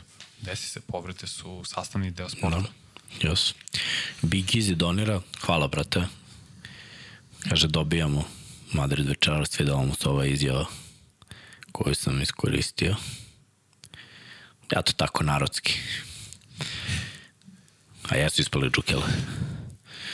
Uh, gde vidite NBA košarku za par sezona, to je način igre. Kao što smo prehodnih sezona imali jako veliki broj šuteva za tri pojena, ali čini mi se da to polako izlazi iz mode. Ne izlazi iz mode i dalje je veliki spacing, radi se na spacingu i dalje ima dosta toga. Samo, na šta, gde je spacing, tu je uvek dobro, tu je velika širina u odbrani, a gde je velika širina u odbrani, pick and roll je stvoren. Mislim, Laki. moraš da koristiš to, ako svi izađu, reket je prazan i sve mora da, da ide u smeru postizanja poena. Znači, lak šut, laki poen i to treba da bude primarno. E sad, liga je već evoluirala. Ne može evolucija na svake 3-4 godine. Znači, evolucija ide po dekadi otprilike. Mi smo imali jednu eru 90 gde se igrala jedna košarka s manjim brojem šuteva za tri mnogo čvršćim odbranama. 2000 su već krenuli šutevi za tri poena. Mnogi igrači su podigli svoje procente, visoki igrači su krenuli da budu pokretljivi i da šutiraju za tri. Yes, ali mnogo manji broj akcija. Mnogo se više igralo na polovini terena sa mnogo više dizajnernih akcija i mnogo se bilo usporenije. Pa onda sredinom prošle decenije Tako je, se promenila igra. Tako, ali što baš potvrđuje ovo što kažem. Znači, decenija je potrebna da prođe da bi mi dobili da dođu neki novi igrači, da, da se pokrenu neki novi trendovi ili da se vrate stari pa da malo bude evolucija tih starih. Mislim, kao i u svemu. I to nekako ide tako. Da, da centri vode ligu. Mislim, ti kad pogledaš koji poslednjih godina 10-15 šampion, najbolji igrači su krila. Manje više. Moderni centri moderni, kao god Jokić Embiid, mislim, možda staviš Janisa kao visok igrač, ok, on je osvojio, ali on je više neko krilni centar. Da, ali u današnjoj, u današnjoj, upravo si, ali u današnjoj eri on je centar. On nije klasičan centar, ali u današnjoj eri on je mi je centar. četiri. On jedin, ali Embiid i Jokić su centri, tako. Tako je, zato i kažem, ali, mislim, gledamo ko je bio MVP poslednjih pet godina, to su njih trojica bili, sve inostrani igrači, by the way, pitanje kad će sledeći put američki igrač da bude MVP ali to je tema za drugu epizodu. Ali mnogo timova igra bez klasične petice, složit ćeš se. Jeste. Znači, ta evolucija da može da prođe small ball, to je isto pokrenuto malo Warriorsima. Je tako? Sa Dremondom Greenom i četiri druga ja igrača. Ja bih rekao da je pokrenuta Miami hitom i velikom trojkom, su oni često igrali small ball Bošom, sa Bošom da. na pet. Bravo. A Boš je četiri. Prihvatam, upravo si. A Boš je četiri. I Realni su bili u petorci, zajedno s Vejdom i Realen. Da. I pa dobro, i Tim Duncan je krenuo kao četvorka. I San Antonio je to pokrenuo pre njih zapravo onda. Jer je Tim Duncan Dobro, on je... prešao na peticu, ali on je bio četvorka Robinsonu koji je pet. Većini svoje karijere, tako je. Ali sve ide u nekom tom smeru. Mm -hmm. I ja nemam problem s tim. Stvarno nemam problem s tim. Bitno mi je da gledamo dobru košarku, a u ovom playoffu imamo prilike da gledamo jako lepu košarku i jako ružnu košarku. Tako mi, ove utakmice blowout, to su katastrofa utakmice, ali ima dosta kada, naročito kad se vežete za jednu seriju pa gledate dve, tri utakmice iz jedne serije, pratite malo adjustment, šta se menja, koji igrači više drže loptu, koji igrači se više kreću bez lopte, koja je promena u pozivanjima akcija. To, na sve to obratite pažnju da vidite kako ekipe pokušavaju na različite načine. Ne, pokušavaju oni isti recept, to mi je sve. Ima ekipe koje rade to, ali one su već ispale. Mislim da sve ove druge ekipe menjaju svoje taktike. I eto, za sve ovo što smo analizirali do sada, svako ima jednu utakmicu na jedan način i drugu na potpuno drugačiji način odigran. Ne znamo još za Lakers i Warriors, ali ja verujem da ćemo večeras vidjeti nešto potpuno drugačije kao u svim drugim mm -hmm. polufinalnim duelima. Jer ovo su ipak krem de la krem ekipe, ovo su najbolji timovi u NBA-u. Baš me zanima šta će da se desi. Ja imamo dosta do finala konferencije, tako da ćemo se družiti. Uh, ove nedelje nećemo više snimati, to mogu odmah da kažem, ali u ponedeljak ćemo raditi sledeći podcast. Ponedeljak verovatno isto u šest, ako Srki može. Da.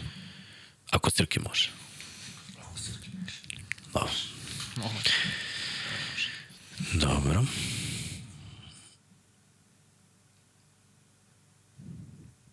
Da vidimo, da vidimo, da vidimo.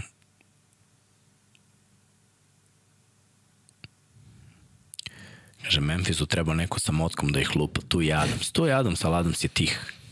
A, on je do, dobroćudni Da, džin. on je bukvalno dobroćudni džin, dok ne poludi, ali Nikad neću zaboraviti kako je sklonio ovog igrača iz Chicaga kad je napao Ja Morenta. Samo ga je uhvatio, odneo na drugu polovinu terena i spustio ga. znaš da je najmanji u svojoj porodici. Da, znam. Sam mislio. Šta je to Tako, porodica džinova? Dobro.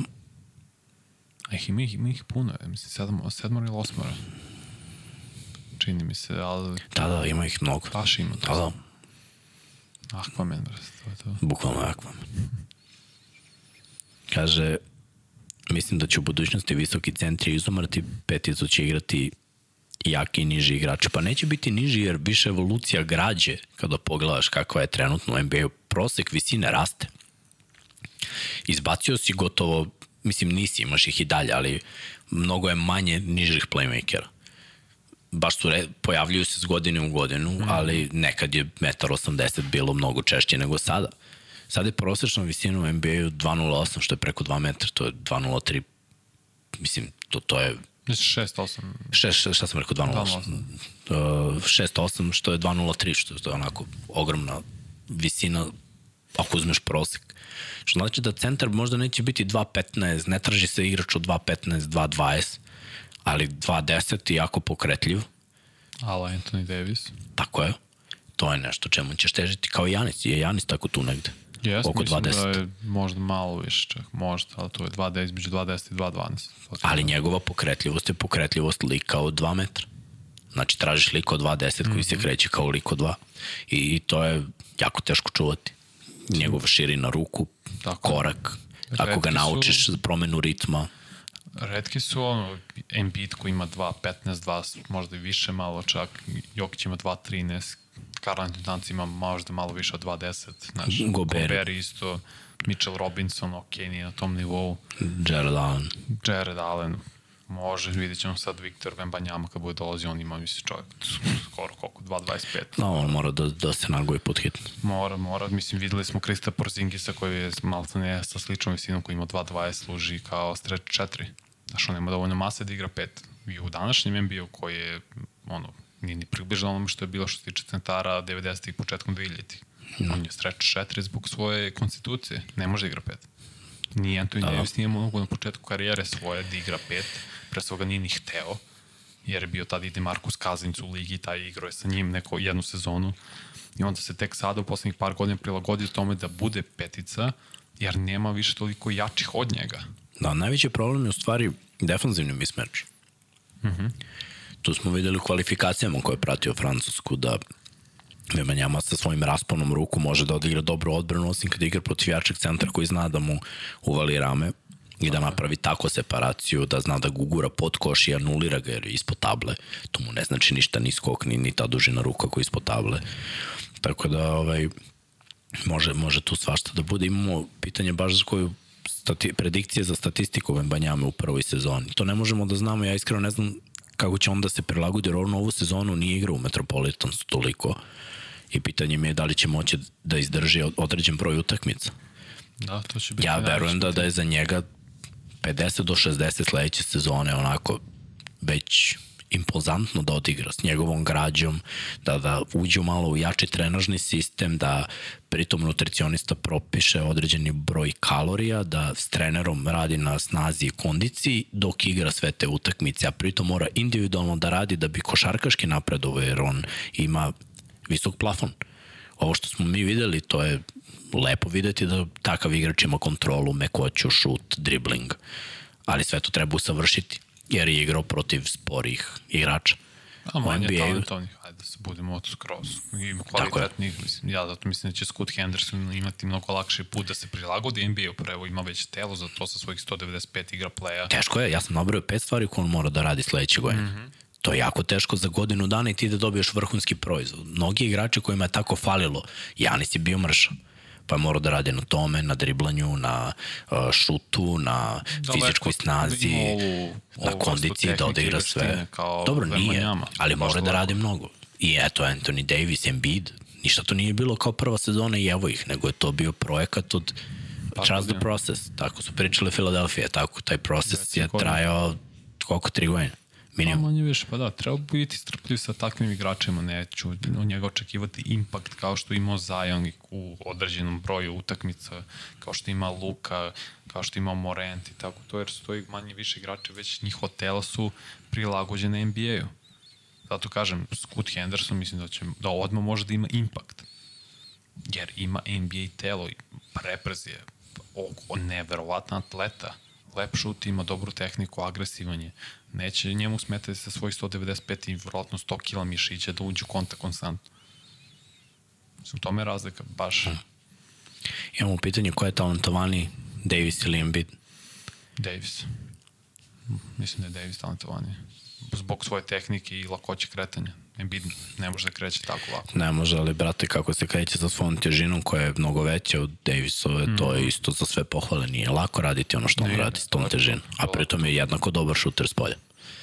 Tako da... Tu je, blizu. Tanko, da. Ali, pazi, Muđelo, šta si izabrao? Dva igrača koje nikad nisu na terenu ono cele sezone. Bar tu Jeste, da mogu da prevagnem, jer ako pogledamo talente, dobro šutiraju bacanja, uh, efikasni su agresivni na kucanjima, dobro udaraju blokade, imaju fadeaway, imaju šut za tri poena i tačno mi trebao da prelomim ko je ono, Dostupnost. dostupniji ekipi, ni jedan ni drugi. Znači, ne znam se ko je gore.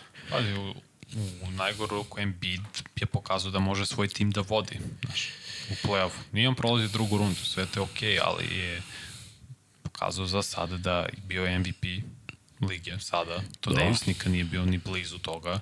Predvodio svoj tim do viših nekih visina u regularnom delu sezone. Da. Sa više broj pobjeda. Igrao dobro Davis kad su uzeli prst. On ima prsten Embiid, ne? Meni je to što oni Ima Embiid uvek dobru ekipu. Zvezdica pored. No. Sa pet meseci pauze su uzeli prsten ne verujem da bi tako bilo. Ja volim Lakers najviše u NBA-u. Mislim da ne bi uzeli prsten da nije bilo covid i te pauze pet meseci. Da restartuješ maltene telo. Dobro, vidjet ću. Imamo pozdrave sa Floride. Lazar Sekulić nas pozdravlja. Kaže, naše mišljenje ko bi u Phoenixu pored Bukera i Durenta mogao da bude treći igrač u napadu do Aiton? Mora da bude, da bi se nosili sa Denverom. Aiton mora da proba da optereti Jokića prekršajima, znači mora da bude agresivniji, Postoji način da Jokića opteretiš prekršajima, viđali smo to ove godine. Ali mora budeš agresivan, moraš da pogađaš polu distance koje Ejton konstantno maši tim otvorenim šutevima i mora više duđe ramenom i pogađa one horoge. Pritom imao nekoliko lobova, jer se prekradao iza leđa Jokiću, znači drugi igrači moraju da naprave dobar pik da Jokić izađe da preuzme i da ostavi otvorena leđa, gde Gordon ili ta strana pomoći kasni, a lopta mm -hmm. ide na pola table za lob. To su najlakše pojeni koji može da imaš. Aiton kad digne ruke, to je više od pola table, više od one kocke na tabli. Jeste, ali sad nema Chris Paula za te lake nema. pojene. ali Buker ume to da kreira isto. Tako da on, ja ne znam ko bi drugi mogao da bude kod njih. Tori Craig neće biti taj lik. Uh, Terence Ross može da ima svoje momente i meče. Je bi izabrao Rossa pre Aiton. Što najgori bih. Bih. Da što može sam sebi da kreira. A Kad Vanja kaže bih, onda bravo Vanja. je Hrabro. zavistan od drugih igrača. Tamo kreiraju i olakšaju. A Terence Ross može to sam da uradi, zašto je pre svega dominant s loptom, ume da bude. I vidjeli smo momente da je bio, tako da pre bih očekivao od Terence Rossa, na primer, nego od Ejtona. Petrušev u NBA, vaše ne. mišljenje? Mislim da je Euroliga za njega plafon. Iskreno. I to je skroz okej. Okay igraš u jednom od najboljih timova u Euroligi konstantno, iz godinu u godinu. Ma, nešto, Nemam nikakav problem s tim. Ja imam jedan problem sa rasporedom ovde, jer on nije imao previše vremena da individualno napredu, da radi. Mm -hmm. zato, mi vidi, zato mislim da vidiš taj plafon koji vidiš. Zato što nema prostora kad igraš Euroligu utorak, a kad je duplo kolo utorak i četvrtak, a vikendom ili ponedljakom ima šabu i koliko utakmica ti bukvalno igraš malo manje utakmica od NBA, ali nemaš ni trening, ni, ni priliku da individualno radiš sa, u drugoj NBA, u Americi, ne u NBA, u Americi, na svim pozicijama svako ima svog čoveka, svako ima priliku da individualno radi. Istina. Zašto ja podržavam odlazak u NBA svih, svih igrača, ne samo s ovih prostora, nego i iz Evrope? Svako od njih je dobio nešto i tu se u stvari vidi ko može, ko je spreman da radi, ako ne, neko nije ni spreman za to. Treba da imaš određen mindset, znači da, da, bi, da ustaješ rano, da ideš u teretanu, ali ne teretanu, ovde se radi slabija teretana, moramo budemo realni. Znači da radiš teretanu po programima američkih stručnjaka. To znači, pogledaj kako izgledaju Amerikanci. Ne izgledaju tako, ljudi će, naravno, pominju uvek i steroide i bla, bla, bla. Steroide u košarci, mislim. Teška priča. Ljudi samo treniraju mnogo. Znači, ta, vi, vidi se kakvi su mišići od steroida, vidi se kakvi su mišići od mnogo treninga, od mnogo kondicije, od mnogo karte i mnogo treninga individualnih. Niko od ovih velikih igrača nije stekao šut zbog steroida, nego zato što je šutirao 100.000 šuteva, istih šuteva. I onda na kraju sve to postane memorija mišića. Ako naši igrači budu otešli tamo sa takvim nekakvim mindsetom. Ni Jokić nije postao Jokić zato što je setite se prve njegove sezone. Ja sam prenosio te utakmice, igro je 20 minuta. Nije imao kondicije, pravio je prekršaj. Imao je on tada smisla da asistira i dobre neke šuteve i osjeće. A Sumarov nije mogao da ima to tokom čitave utakmice, pa je radio, radio, radio, radio, radio. On sad izdrži 40 minuta tekmu. Lagano. Znaš kako je teško sa njegovom fizičkom građom izdržati 40 minuta. Mm -hmm. Mnogi nisu videli, znaš, mnogi su bili u fazonu plafon. Ne samo za njega, za mnogi, za Bogdana, na primjer, takođe. Dobro, a Bogdan se Kad imao, kad nije u Evropi. Jeste. Imao baš dobar Sve mjesto, to smo i rekli. Ali neke stvari- treba da bude Znaš za koliko- većinu igrača. Znaš koliko je popravio šut tamo? Znam, znam. I vidiš ti koliko su automatski njegovi šutevi sada. Mm -hmm. S određenih pozicija. Slažem To je se. Trening. Apsolutno. A kad si visoki igrač, tamo dobijaš veću šansu. Znači, samo trebaš da uđeš Petrušev je onako veći atleta nego neki igrači koji su odlazili s ovih prostora i ima, ima prostora, ima šanse. Ja bih volao da ode, pa neki bude fail. Neki bude da ne dobije šansu, neki bude ne znam šta. Može da se vrati da bude Euro, igra, Eurolige igrač. Ali za dve, tri godine taj prozor u NBA-u odlazi i više ne možeš. Onda ćeš da budeš mator. Znaš, slažem, tu se apsolutno slažem. Ako gledamo napredak, mislim, moramo uvek da uzeti Janisa kao najbolji primjer. Mislim, to ti, eto ti treninzi šta rade. Tako je. Ali mora godinu. budeš voljan. Moraš Tako da je. budeš psihopata, mm. da uništavaš svoje telo i da uništavaš svoj um. Bukvalno. Da u tvom životu postoji košarka. Ako to uradiš, svako može da uspe. To je moje mišljenje. Ne samo u NBA-u. Imali smo ovde neke goste, neke momke koji su igrali na, na diviziji 1 i, i američki futbol. Neku, za neke se i nadamo da mogu da igraju u NFL-u. Jesi čuo priče, brate? Koliko je to posvećenosti, koliko je rada. Znači, ako sve to uradiš, može. Samo je teško to uraditi, to je najteže. To kad pričamo neko odricanju u sportu, pa ljudi to shvate kao, e, šta se oni odriču, igraju se. Igraju se Borazeru, ali odriče se dosta. Mnogo radiš, mnogo treniraš, uništavaš telo. A kad uništavaš telo, uništavaš i um. I treba sve to da prebrodiš i da budeš, i da ostaneš ono svoj. Nije to lako. Teško da vidim, primjer, Viktor Oladipo, njegovo telo prosto ne može više. Nije izdržao. Tako je. Neka tela, zamisli to kako utiče na mozak. Nije jedini, evo ga D-Rose i ovde i tamo u četvorci dres. Ne mogu zamislim to. Zamisli koliko je on trenirao i sve i radio i dao je sve od sebe mm -hmm.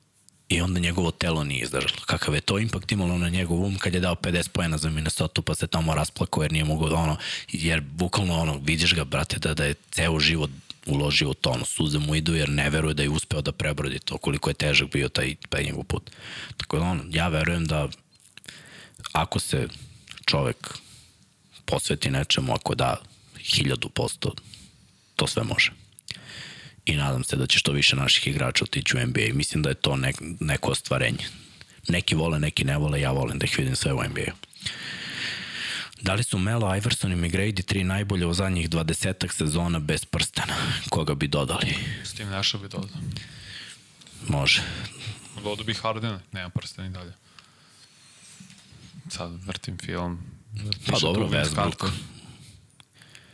Nema prstena, bio je Nema, nema. triple-double MVP. Ja Mislim. piše, ne, ili piše Vince Carter, nisam zapamtio. Vince Carter, da, mora da ima, on je igrao. Nisu, Ne, nisu. nisu. Melo, Iverson i McGrady samo napisani. Carter mora da bude tu, Carter je legenda. Yao Ming isto, mislim, nije. Koji još, koji još? Dobro, Dwight je na kraju uzeo Da, s Lakersima. Lakers. s Lakersima od 2020. Mm-mm. Jason Kidd isto uzeo prsten sa Dallasom 2011. To je to otprilike. Pa da, Od ovih velikih. da, da. Iz te ere, ne računamo da, ono Da, pre. ne računamo pre. Kaže zadnjih 20 sezona. Zašto igrači kao Howard koji ne dobio šansu u NBA pređu u Kinu i Tajvan pre nego u Euroligu? Kinta? Već par. Mnogo A, a bo nije, nije pritisak veliki. U Euroligi imaš pritisak navijača, očekivanja, ovamo nemaš. drugačije tempo, ti si zvezda, budeš lagan i dobiješ pare. Da. To je. Zezaš se za pare. Imam, imam neke drugare koji su igrali u Kini. I Još ono, u ovoj pričali su mi da je to ono, mislim, glupo im je jer sve je njihovo, njihove aplikacije, hrana i to, to im je sve bilo loše, ali što se tiče košarke, tog zezanja i kinte, to je bilo super. To im je bilo zabavno. To se kažem, pogotovo u poznijim košarkaškim godinama, to, ono, uzmeš što više para, igraš na nekom ok nivou, ne moraš previše se trudiš, verujem mi da je to glavni uzrok. Zašto bi se sad maltretirao sa 36-7 godina, igraš Euroligu, mislim, nema potrebe. A Hall of Fame igrač si u NBA. Najvrštom igru Ja znam, igrao je u lockoutu kad je bilo. Da, imamo ovde Carmelo, Charles Barkley, oni nisu pre 20 godina, oni su igrali 90-ih, znači to je Da, tu da, ima tu bogaca igrača zbog 90 su pre 30 godina. Da. Jesus Christ. To on kaže neko ko je odrastao 90-ih. U 90-ih je već išao u školu. A Evo ga sada, sede dlake na glavi, skida, skriva kačketu.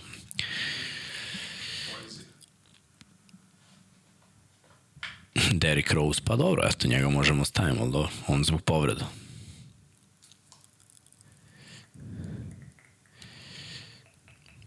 Dobro. Šta mislite o Nešu? Nekako mi on odskače od igrača koji je MVP. Zašto ti odskače? Bio je vrhunski asistent. Ja sam slažem da možda nije trebao dva puta bude MVP, mislim da to jednog tih godina trebao bude Obeležio Bryant. je deceniju čovjek. Ne, obeležio On i. Jason Kidd On je su bili on je najbolji playmakeri. Reform, ovo je reformaciju, isto, revoluciju što se tiče tog načina igre, taj njihov Phoenix Suns tim, Da. njegov pre svega je ubrzo košarku. Oni su imali taj ono... Pick and roll, trojke iz tranzicije. To su oni Steve uveli. Nash.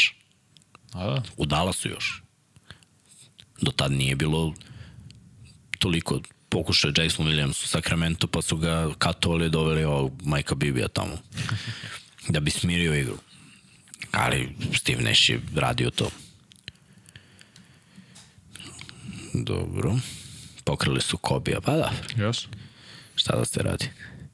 To nikad ne možete, te, te, ja kažem, MVP priznanja, Pro Bowl i sve to. Prestao sam to, to sam se nekad vezivo tako za to, jer mi je bilo, sad sam totalno lagan po tom pitanju i to vam predlažem iskreno.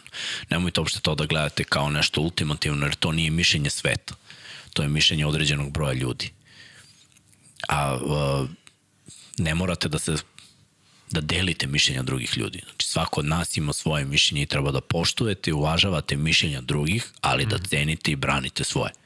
I Vanja i ja to ovde mislim da reprezentujemo na najbolji mogući način. Mi imamo ponekad ista, ponekad različita mišljenja, ali ja poštujem što on ima svoje, nisam siguran da je uvek u pravu, ja imam svoje, često se desi da nisam u pravu, priznaš, kažeš, ali mora da imaš svoje mišljenje, mislim.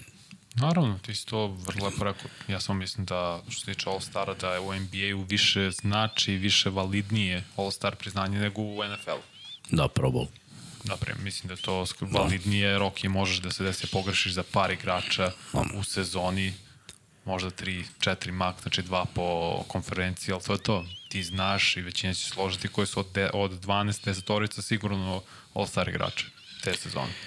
I Imamo ovde par pitanja na koje znam da želimo da odgovorimo. Šta mislite o Edwardsu iz Minnesota i Vanja, ja ga dosta poštujemo, kompletan je lik. Da. Biće Ne znam da li ste čuli priču da lik uopšte ne voli košarku, pa se pitamo šta bi bilo da je voli. Pa, voli Ja, on delim je košarku, tako, da. uopšte. On igra i futbol, to znam. Igra, da, da. I bio je na Georgia univerzitetu i građan je malte ne kao NFL igrač stvarno, ve- ali mislim da im potencijal bude top 5 igrač u narednih nekoliko sezona. Gledali smo, Sean i ja smo radili neku vrhunsku utakmicu u četvrtak koja prati NFL, tačno znam o čemu pričam i da je vrhunski ironično. I u tom trenutku smo pustili Minnesota i Denver, ja mislim. Gledali smo, pošto jel te noć, sve, sve te utakmice Denvera tako pustimo na laptopu pa gledamo kad su grozne utakmice, kad je ono punt show.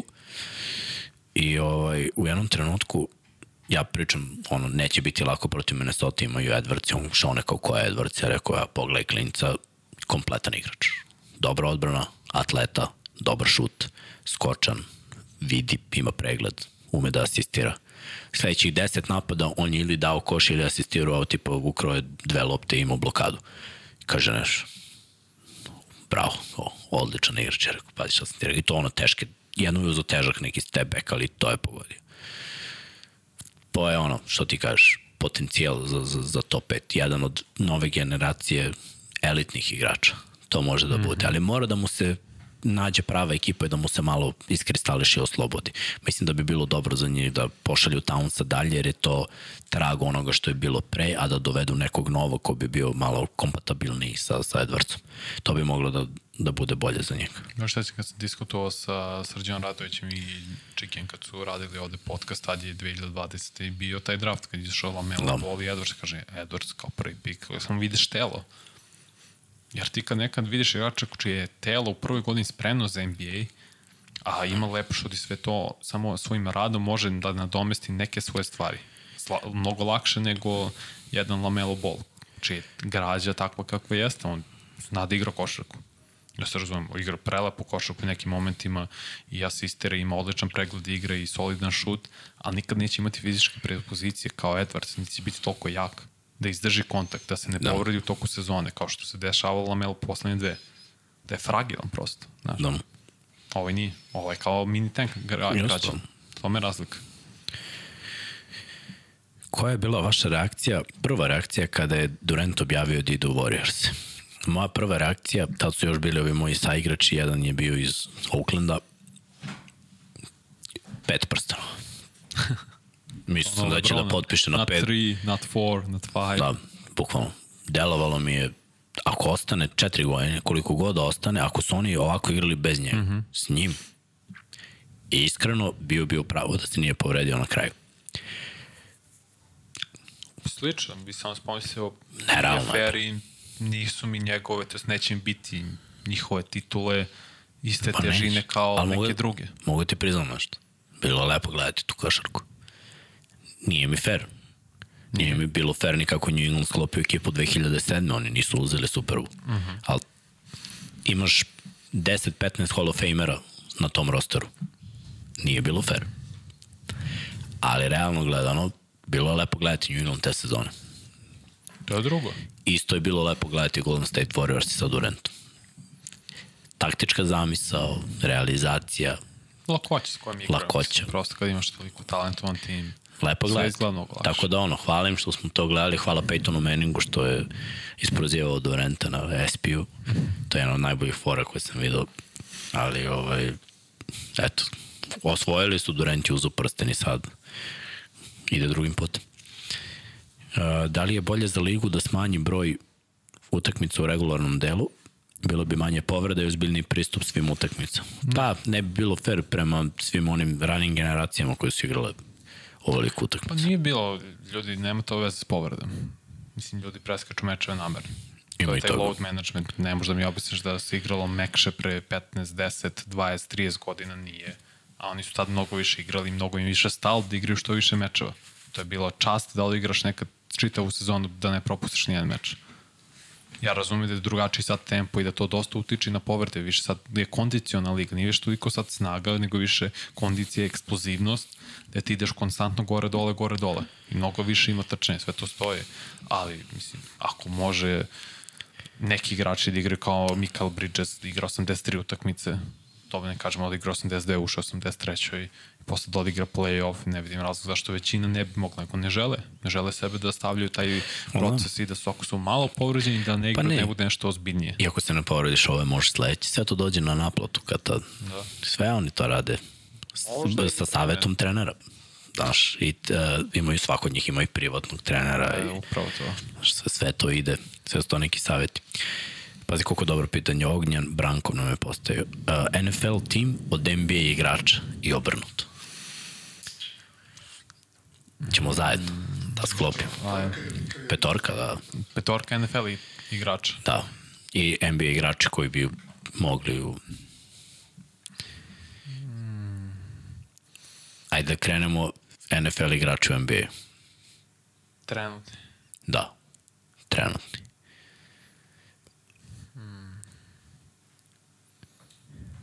Za NBA mi je čak i lakše nađem igrača nego za NFL.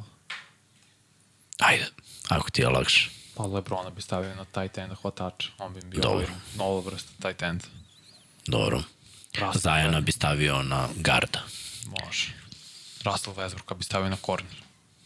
Sa onim predispozicijama, Da. da. visinom pa, i eksplozivnošću stiže koga hoćeš. Quarterback, to bi bilo onako, ja mislim da... Ne, Pa, Jokić ne zna da poznaje igru, ali definitivno on ili Kevin Love. To bi bili moji Kevin Love igrao quarterback. Da, da, da. To ima meni više smisla. Be.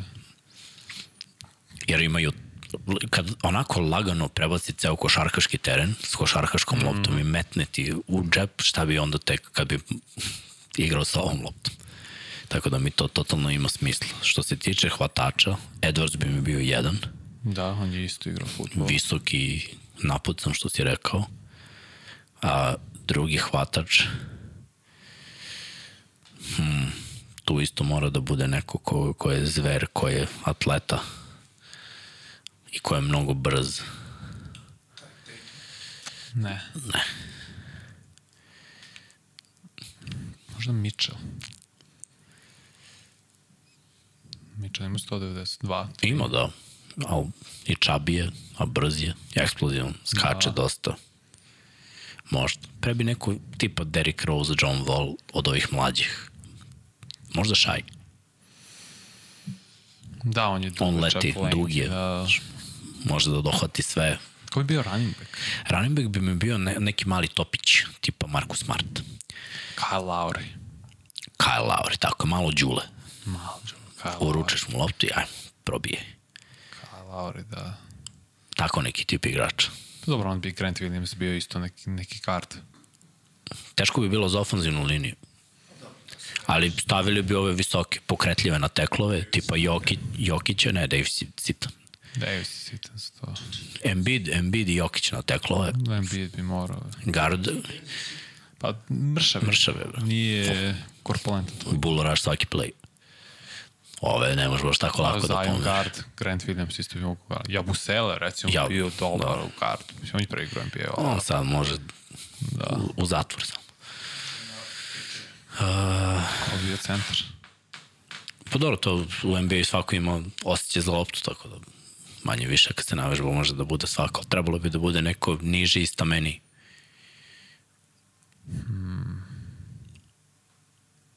Ali ajde da kažemo, Razmišljam. znaš kog bi ja, PJ Tucker, idealan centar. Da. Jak atleta pokretljiv. Savršen Čak centar. razmišljao Zach Randolph. Ne, da, ne Zach, ovaj bre... Nešto sam igrač. Julius Randle. Randle, da. Nešto da igra. Previše je visok, da. Ali možda na garda, eto, i on, Ne, on je on, onako ima tabači. bola, da, jeste, jeste. Ali PJ Tucker mora da igra Jeste, NFL. može. PJ Tucker je košarci A dobro, ko će u. NFL-u? Ko će? DK Metcalf možda? Ima tu visinu, predispoziciju. Diki Metcalf da, on je on je ovako igra, igra košarku, ovaj, pa sad na šta, Tyreek možeš da Hill. prati, ja, ja pratim ovako kako oni pričaju ko dobro igra u kojoj ekipi, ko, mm. -hmm. ko, ko igra, ko šta radi. Ovaj, Devontu Smitha mnogo hvale da, da, da je ono, neverovatno mekan, što ima i smisla po njegovoj igrađi, da je on je taj košarkaški tip hvatač, to je meni jako poznato. Ne moraš da budeš ono drven, ali imaš neku košarkašku mekoću, košarkaške potece. To on imao kroz celu svoju karijeru, od Alabama preko ovoga u Fili.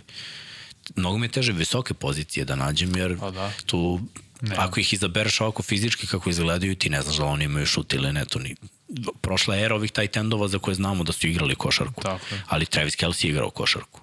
On bi trebao da bude 3 ili 4. Pa da, ali on nema tu visinu koliko je Travis Kelce visok. Dobro, oni bi bili small ball, ali Travis Kelce je tu blizu 2 metra da kažeš, ali ima, Jel jeste? pa za trojku je okej. On je 6, Ne, 6, 5, šta, metar 90. 6'4, 6'5? Mislim da je 6, 5. To, to je 195. Pa dobro, ali ima wiggle wiggle. Dobro, da, to je Paul George pričao u svom podcastu. Mnogo je teže NFL igračima da igra NBA jer mi su treba veština pa. i šut. Pa dobro, Ima je mnogo lakše. zato imaju lakt. Staviš Kalajsa Campbella na centra. On je samo 6'8, ali, Da. brate, kad te gurne ideš 6 metra od njega. Šta znam? Ali eto, zanimljivo pitanje. Volim drugačija pitanja, pa eto da odgovorim o tom. Jako zanimljiva tema NBA i Euroliga. Šta biste uveli iz NBA u Euroligu? Koja pravila? Kako bi evropska košarka bila još bolja? Mislim da je bolje ne mešati ih jer su baš drugačiji. Meni se ne sviđa jedino pravilo što možeš loptu s opruča da skineš u Euroligi. To mi baš smete. Misliš da bude da ne diraju? Da. s tim imam problem, iskreno. Jer nekad baš lake koše koji treba da uđe možda skineš sa još većom lakoćom. Meni se to sviđa. Osjećaj, Meni se to sviđa. To je dobra procena da skineš ja loptu. znam, meni ne. Meni. Taj cilindar u Onda NBA-u, uskraćuješ ofanzivni, ofanzivnu stranu. pa malo. Mislim, ukraćuješ i kad pustiš nekog da kampuje reketu. Nemaš defanzivne 3 sekunde. Tako je. I to bi pomere. Pre bih to nego bilo šta drugo zamenio. Defanziv, znaš, da nema kampovanja centara, Da. onda bi imao više prodora, više napada. Eto, u kratkim crtama. I iskreno uveo bi više challenge i za jedno i za drugo. Jer sudije prave greške. Je, možda bi to malo usporilo igru, ali bi, mislim, mislim da bi mi kao gledaoci, kao navijači, kao ljubitelji Bolje sporta, bili malo zadovoljniji jer bi imali, eto, bar da ima dva challenge po utakmici, sigurno na svakoj utakmici koju ste gledali su bile dve sporne sudijske odluke. Eto, samo da trener može da kaže, ajde da pogledamo i ovo. Da vidimo da li ste u pravu ili niste. Imamo 10 uglova, 10 različitih kamera, pa da vidimo.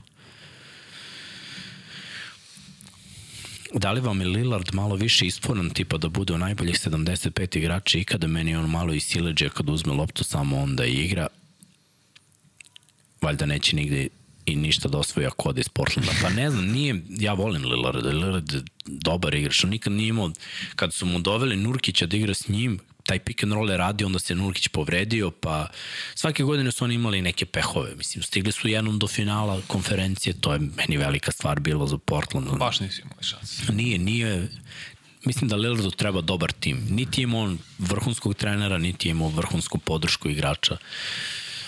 To, to je moje mišljenje. Možda grešim, možda nisam u pravu, ali Lillarda obožavam. Lillard je jedan talentovan igrač koji ima mnogo poteza on, u svom rukavu. Baš je, baš je dobar bek.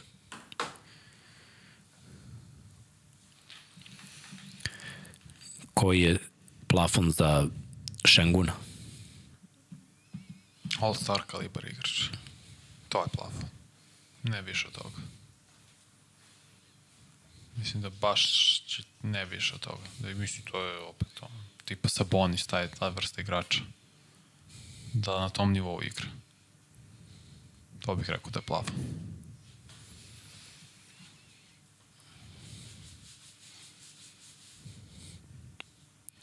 Kaže Bojana da je OBJ igrao košarku u srednjoj školi. Da, OBJ vidio sam ga kako kuca. Mislim, Devont Adams kuca 360 kroz noge.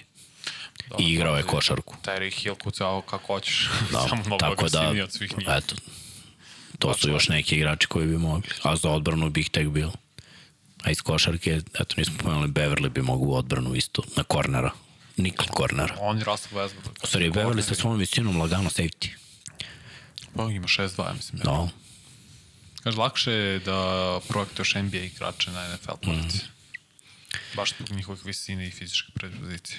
Nemaju možda snage i još mase toliko, ali to je lakše da posle. Lakše njima to nego ima veština. Kaže da se ukinu koraci u Evropi, ovaj prvi korak. Ali dobro, znaš šta, ima Ne. lepota u tome, jer imaš disciplinu. Naravno, znaš šta, korak, koraci se u NBA-u prave više zato što mnogo brže taj polazak. I najviše problema s koracima zapravo imaju američki igrači ovde, ne domaći. Jer Desi se naravno ponekad povučete pa kreneš ranije ili brže, ali njihov moment, njihov taj prvi korak, ta ekskluzivnost bolje je nego kod nas u Evropi. Zato oni češće prave korake. Nisam siguran koliko bi to unapredilo. I pazi, u NBA imamo tu nekonstantnost. Ovde bi isto svi onda dizali ruke, tražili korake, pa ovaj ode da dva poena, sudije ne sviraju i ti se onda buniš onda navijači, jao, nije bilo dobro suđenje, nisu svirali korak. Oni sada propuste korake, ima to pravilo, oni sad nekad ne sviraju. Nisu uvek, on, nisu uvek savršeni što se tiče ono da li će sviraju korak ili ne. Ja nemam problem s tim, iskreno volim taj gathering step. Mislim da on atletama daje nešto dodatno. Isto tako mislim da atlete koriste to pravilo da bi napravili foru za još jedan korak i da u NBA-u to prećute i pregledaju. Iz, Meni se to ne i, sviđa. iz naskoka u dva koraka. To oni često rade. E, to nije gathering step. Znači, to, to se onda pretvara kad iz naskoka digneš loptu i onda napraviš dva. Da, meni to nikad nije svidelo, taj dodatni korak što imaju. Kad vidim da Lebron, recimo, povuče kontru tako što bukvalno loptu drži u ruci, napravi jedan korak, neka dva, pa onda spusti loptu, to meni se ne sviđa i sviđa mi se u Europi što to postoji pravilo. Ne sviđa mi se taj jedan korak, iskreno. Nikad mi se nije sviđa. Da li Jokić, ukoliko osvoji prsten sa Denverom, dobija status Dirka u smislu da je sam nosio tim do titule? Nije Dirk nosio sam tim do titule, Dirk je imao podršku vrhunskih Hall of Fame veterana, pre svega Jasona Kida i još nekoliko dobrih igrača gde je Marion bio jedan od vrhunskih defanzivaca lige, gde je Tyson Chandler bio i reprezentativac, ali Dirk je bio najvažniji igrač tu i dobio je respekt zato što je dobio super tim u finalu. Tako je. Zbog toga je veći bio uspeh Dallasa, zato što su dobili super tim Majamija koji je imao tri All-Stara, tri vrhunska igrača, LeBron, Wade, Bosch. Tri top 15 igrača u tom momentu. To da dobiješ, a pazi ti imaš podršku veterana igrača, sve, ali, su ali oni su na zalastima svoje karijere, isto kao i Jason Terry. Tako, da to što su oni dobili je imalo druga, Jokić će bukvalno ovde imati isto podršku igrača koji nisu se nikad dokazali. Daleko su Hall of Fame. Mi smo znali za Jasona Kida da će biti Hall of Fame u tom trenutku. Mm -hmm. Ovo su igrači koji tek treba da uđu u svoj zenit. Tako je. Košarkaški zenit. Svoj Imamo, imamo. KCP-a koji je rol igrač s klupe Jeste. kao veteran koji ima iskustvo i prsten, ali ostatak ekipe Gordon nije vet, mislim, jeste on Gordon je veteran, veteran. nego, oni, ali oni, to su igrači koji nisu među najboljima u ligi. Po čemu ćeš pa, pamtiti jednog dana za 10 godina Gordona? Po zakucavanjima. Je tako? Tako je. Samo pre, po tome. Upravo to. Vidjet ćemo da li će Mari se razbio all star igrače, ali Mislim da je mnogo veći uspeh Jokića ako osvoji prsten. Mislim da, da, da, da je poređenje Jokić i Janis. Mislim Šta da više mislim da malo Jokić i, tako je. Šta da više mislim da je da je i iznad toga. Mis- Mislim da je više bara bar sa ovim novi, od Dirka Novickog i meni ta Dirkova jedna titula vredi više nego Durantove dve. To mogu od- otvoreno ti kaže. Jer ne mogu se porediti timovi. Naravno. Ne mogu, Rekli ne se smo, ovo je bio ni ludilo. Stvarno, ne mogu ni ludilo se porediti. Šta misliš koje godine je nastao nadimak Šifraši? Pa te, 2016. 17. zapravo. Zato ti kažem, Dirko vredi mnogo. Stvarno vredi mi čak i više nego Garnetova titula sa velikom trojkom Bostona. Jer su to bili u zalasku svojih Primo, Zenita, Pierce, Allen, Garnet, ali opet to je bilo ono vrhunski tim. Rondo koji tek ulazi u neku vrstu najboljih godina, jako vrlo mlad play, treća godina kad su osvojili, posle opet igrali finale, imao još jednog all-star igrača, znaš, to je, i posle 2010. bio Rashid Wallace, Nate Robinson, Glenn Davis, Da. za klupe, Kendrick Perkins je bio startni petorci koji kad je i dalje valja kao igrač, pre svega što, što, što se tiče odbrane, tako Dirko, a ta jedna titula meni baš mnogo, mnogo, Jeste, mnogo samo više zbog protivnika i zbog njegove partije celog play Inače, blago je, nismo zaboravili Jasona Terija, pomenuo sam. Kako ga zaboravim lika koji je pre sezone tetovirao pehar i rekao osvajamo sigurno. Da. Kohones. To, svaka mu čast za to. Ne znam ko bi smeo to. Mislim, dobro, oni jesu malo luđi, ali treba uraditi to. Zaslužuje, ka, ako ga budem vidio, mu priđemo, pružim ruku, ja kažem, Sir. To je to. Svaka čast. A, Portorikanac koji igrao bio Barea. JJ, Barea. Da, sa svojih 1,75 Bio i Deshaun Stevenson koji je maltretirao i Bio je Peđa. Lebrona. Bio je naravno Peđa. Peđa dao pet trojka u finalu zapada. Znaš ko je bio dobar? Ne, Ili šest. Šta šta? Pet ili šest. Je trojke da je dao. Ne, to sam kažem ko je dobar, pošto je rekao Portorikanac, ali Aro, Aroja. Aroja, to da. da. Aroho, zapravo kada, kako se čita kod njih, brat, kako igrače. Da, ima Kako dobro. košarkaški genijalac. Košarka se igra u celom svetu, ima dobri košarkaša svuda. Dobro. To da. 194 lajka. 194 korisnika, imali smo i 250 u jednom trenutku. Da, spremi sad ljudi, počinje partizan za manje da. pola sata, sorry, malo više, Pa pola eto, sata, 35 možemo, minuta. možemo mi polako da privodimo kraju. Ovaj, Idem. Evo još par pitanja, samo da ispoštujemo i... Zbog koga je bila sa Kavsima protiv... Ne, ne, nije to pitanje, to je konstatacija. Dobro. Da li treba uvesti da se gledaju situacije koje nisu dosuđene? Da, jer opet ono je kriminalna situacija Miami i New York, to je jedna od novih, mislim, najsvežija zapravo bilo i pre toga dosta situacija gde ono ne znam kako sudije ne vide nešto što je tako očigledno. Zaista nema opravdanja. I treba to takve kazne, takve greške sudije se kazne novčan. Ja sam stvarno za to, ako radiš svoj posao loše, ne kaže ne treba da dobiješ otkaz daleko od toga, sem ako to nije nekom konstantnom nivou da propuštaš očigledne stvari, ali ako napraviš ok, nevina greška, nevina greška, ali to je nešto što je vrlo očigledno, što je promenilo tok jedne utakmice, kazni se sudije, novčano nešto malo, ali čisto ono da osete da, znaš, ne, nema toga, ne može da tako očigledne stvari pogreš. Stoji. Razumeš? Ali dešava se u svakom sportu konstantno. Tako je. I imamo razumevanje kad su stvarno neke greške što prosto ne možeš u momentu da vidiš. Tek možda na replayu, možda, ali u momentu ti ne možeš da proceniš kad je neko recimo izbio lopta, dvojice se bore, ako je toliko blizu. Mislim, to dajem banalan primjer. Mislim da bi malo usporilo igru, da sve to može, uh, takođe ne moraju sudije to da rade, mogu da imaju jednu prostoriju gde neko radi za njih. Kao što je NFL. A imaju oni. NBA ima to. Kaže, htio sam da kažem da se zove da se gleda snimak za neki faul, recimo ako se je pre toga bili koraci 3 sekunde ili tako nešto što ne može da se dosudi. Ja, ja bih volao da to ne rade sudije, da se ne usporava utakmica, nego da imaju tipa četiri čoveka, ne jedan, ne dva, ne tri, nego četiri čoveka u jednoj sobi zaduženi za to da svako, da, da imaju pregled lepo, kao, kao što ima VAR soba takođe, da se to pogleda iz različitih uglova, brzo da se donese odluka, da se prenese sudijama i da sudije moraju tu odluku da, da donesu i to je to. Mislim da bi tako jedino bilo fair, ali ne to da se radi često, nego da ima određeni broj, da se ne bi usporila igra naročito u Americi, jer ajde u Euroliga utakmice, ja sam ih radio i Euroligu, i Eurokup i Evropsko i sve to je dva sata. NBA je dva i po sata, To do opet tri. Mač sa dve oštrice. Ja znam koliko ljudi se žale na var u futbalu, ja se s njima slažem, jer neke stvari, znaš, što je ljudski je do, napraviti grešku.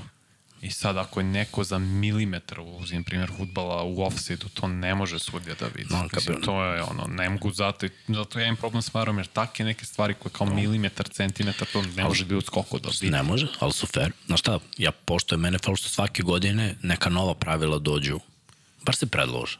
Ne moraju se usvoje. Mm -hmm. A svake godine ih ima po 5 do 10 koje se predlože i koje se menjuju i, i tako liga evoluira. Da li su sva dobra? Ne, ja sam više volao namakljanje iz 90-ih i 2000-ih. Iskreno. Taj futbol sam volao, nije bio bezbedan. Hiljadu stvari tu možeš da nađeš kao problem, ali ajde da kažemo da je meni lično to bilo lepše. Ne mora da znači da sam upravo. Za koji tim bi mogao igra, igrati Tavares? Njegova pokretljivost bi mogla da se prenese u NBA. Mislim, ne vidimo. Solidno je pokretno, ali u Evropi je baš dominator. Sad je pitanje, ja ga zaista ne vidim. pitanje na tim preuzimanjima nižih igrača sa tom širinom i šutem za tri pojena, kako bi se snašao. Najgora stvar za njega bi bila kao Bobby koji je mogao da dominira u Evropi.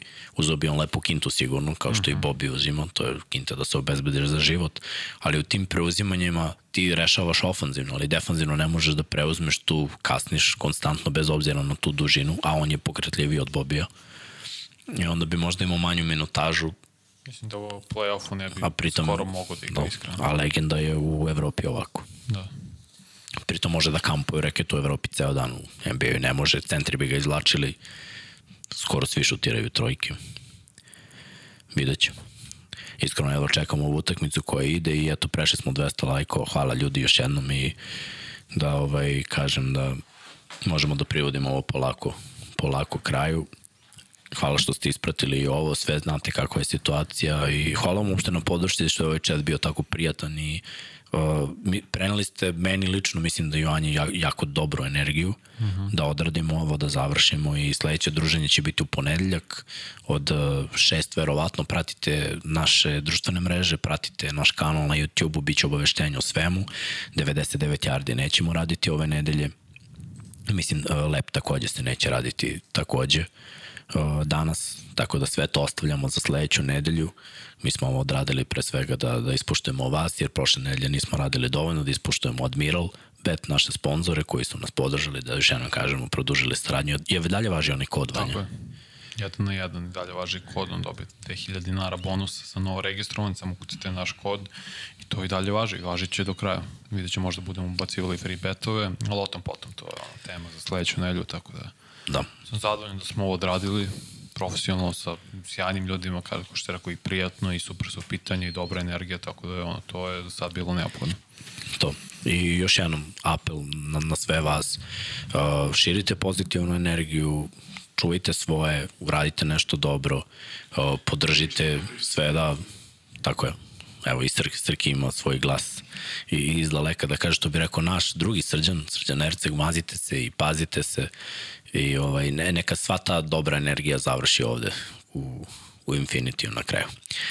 I eto, uh, Sergej će sada da pusti Patreone, vi ako želite da ovaj podcast ostane nezavisno, da nas podržite, da budete naši prvi pravi sponzori, vi takođe možete da, da donirate preko Patreona, sada ćemo pustiti video gde su imena svih onih koji podržavaju rad ove ekipe i nakon toga ide odjevna špica, a sledeće nedelje se gledamo već u ponedeljak, do tada gledajte NBA, uživajte i veliki pozdrav iz Infinity Lighthouse studija ljudi. Ćao.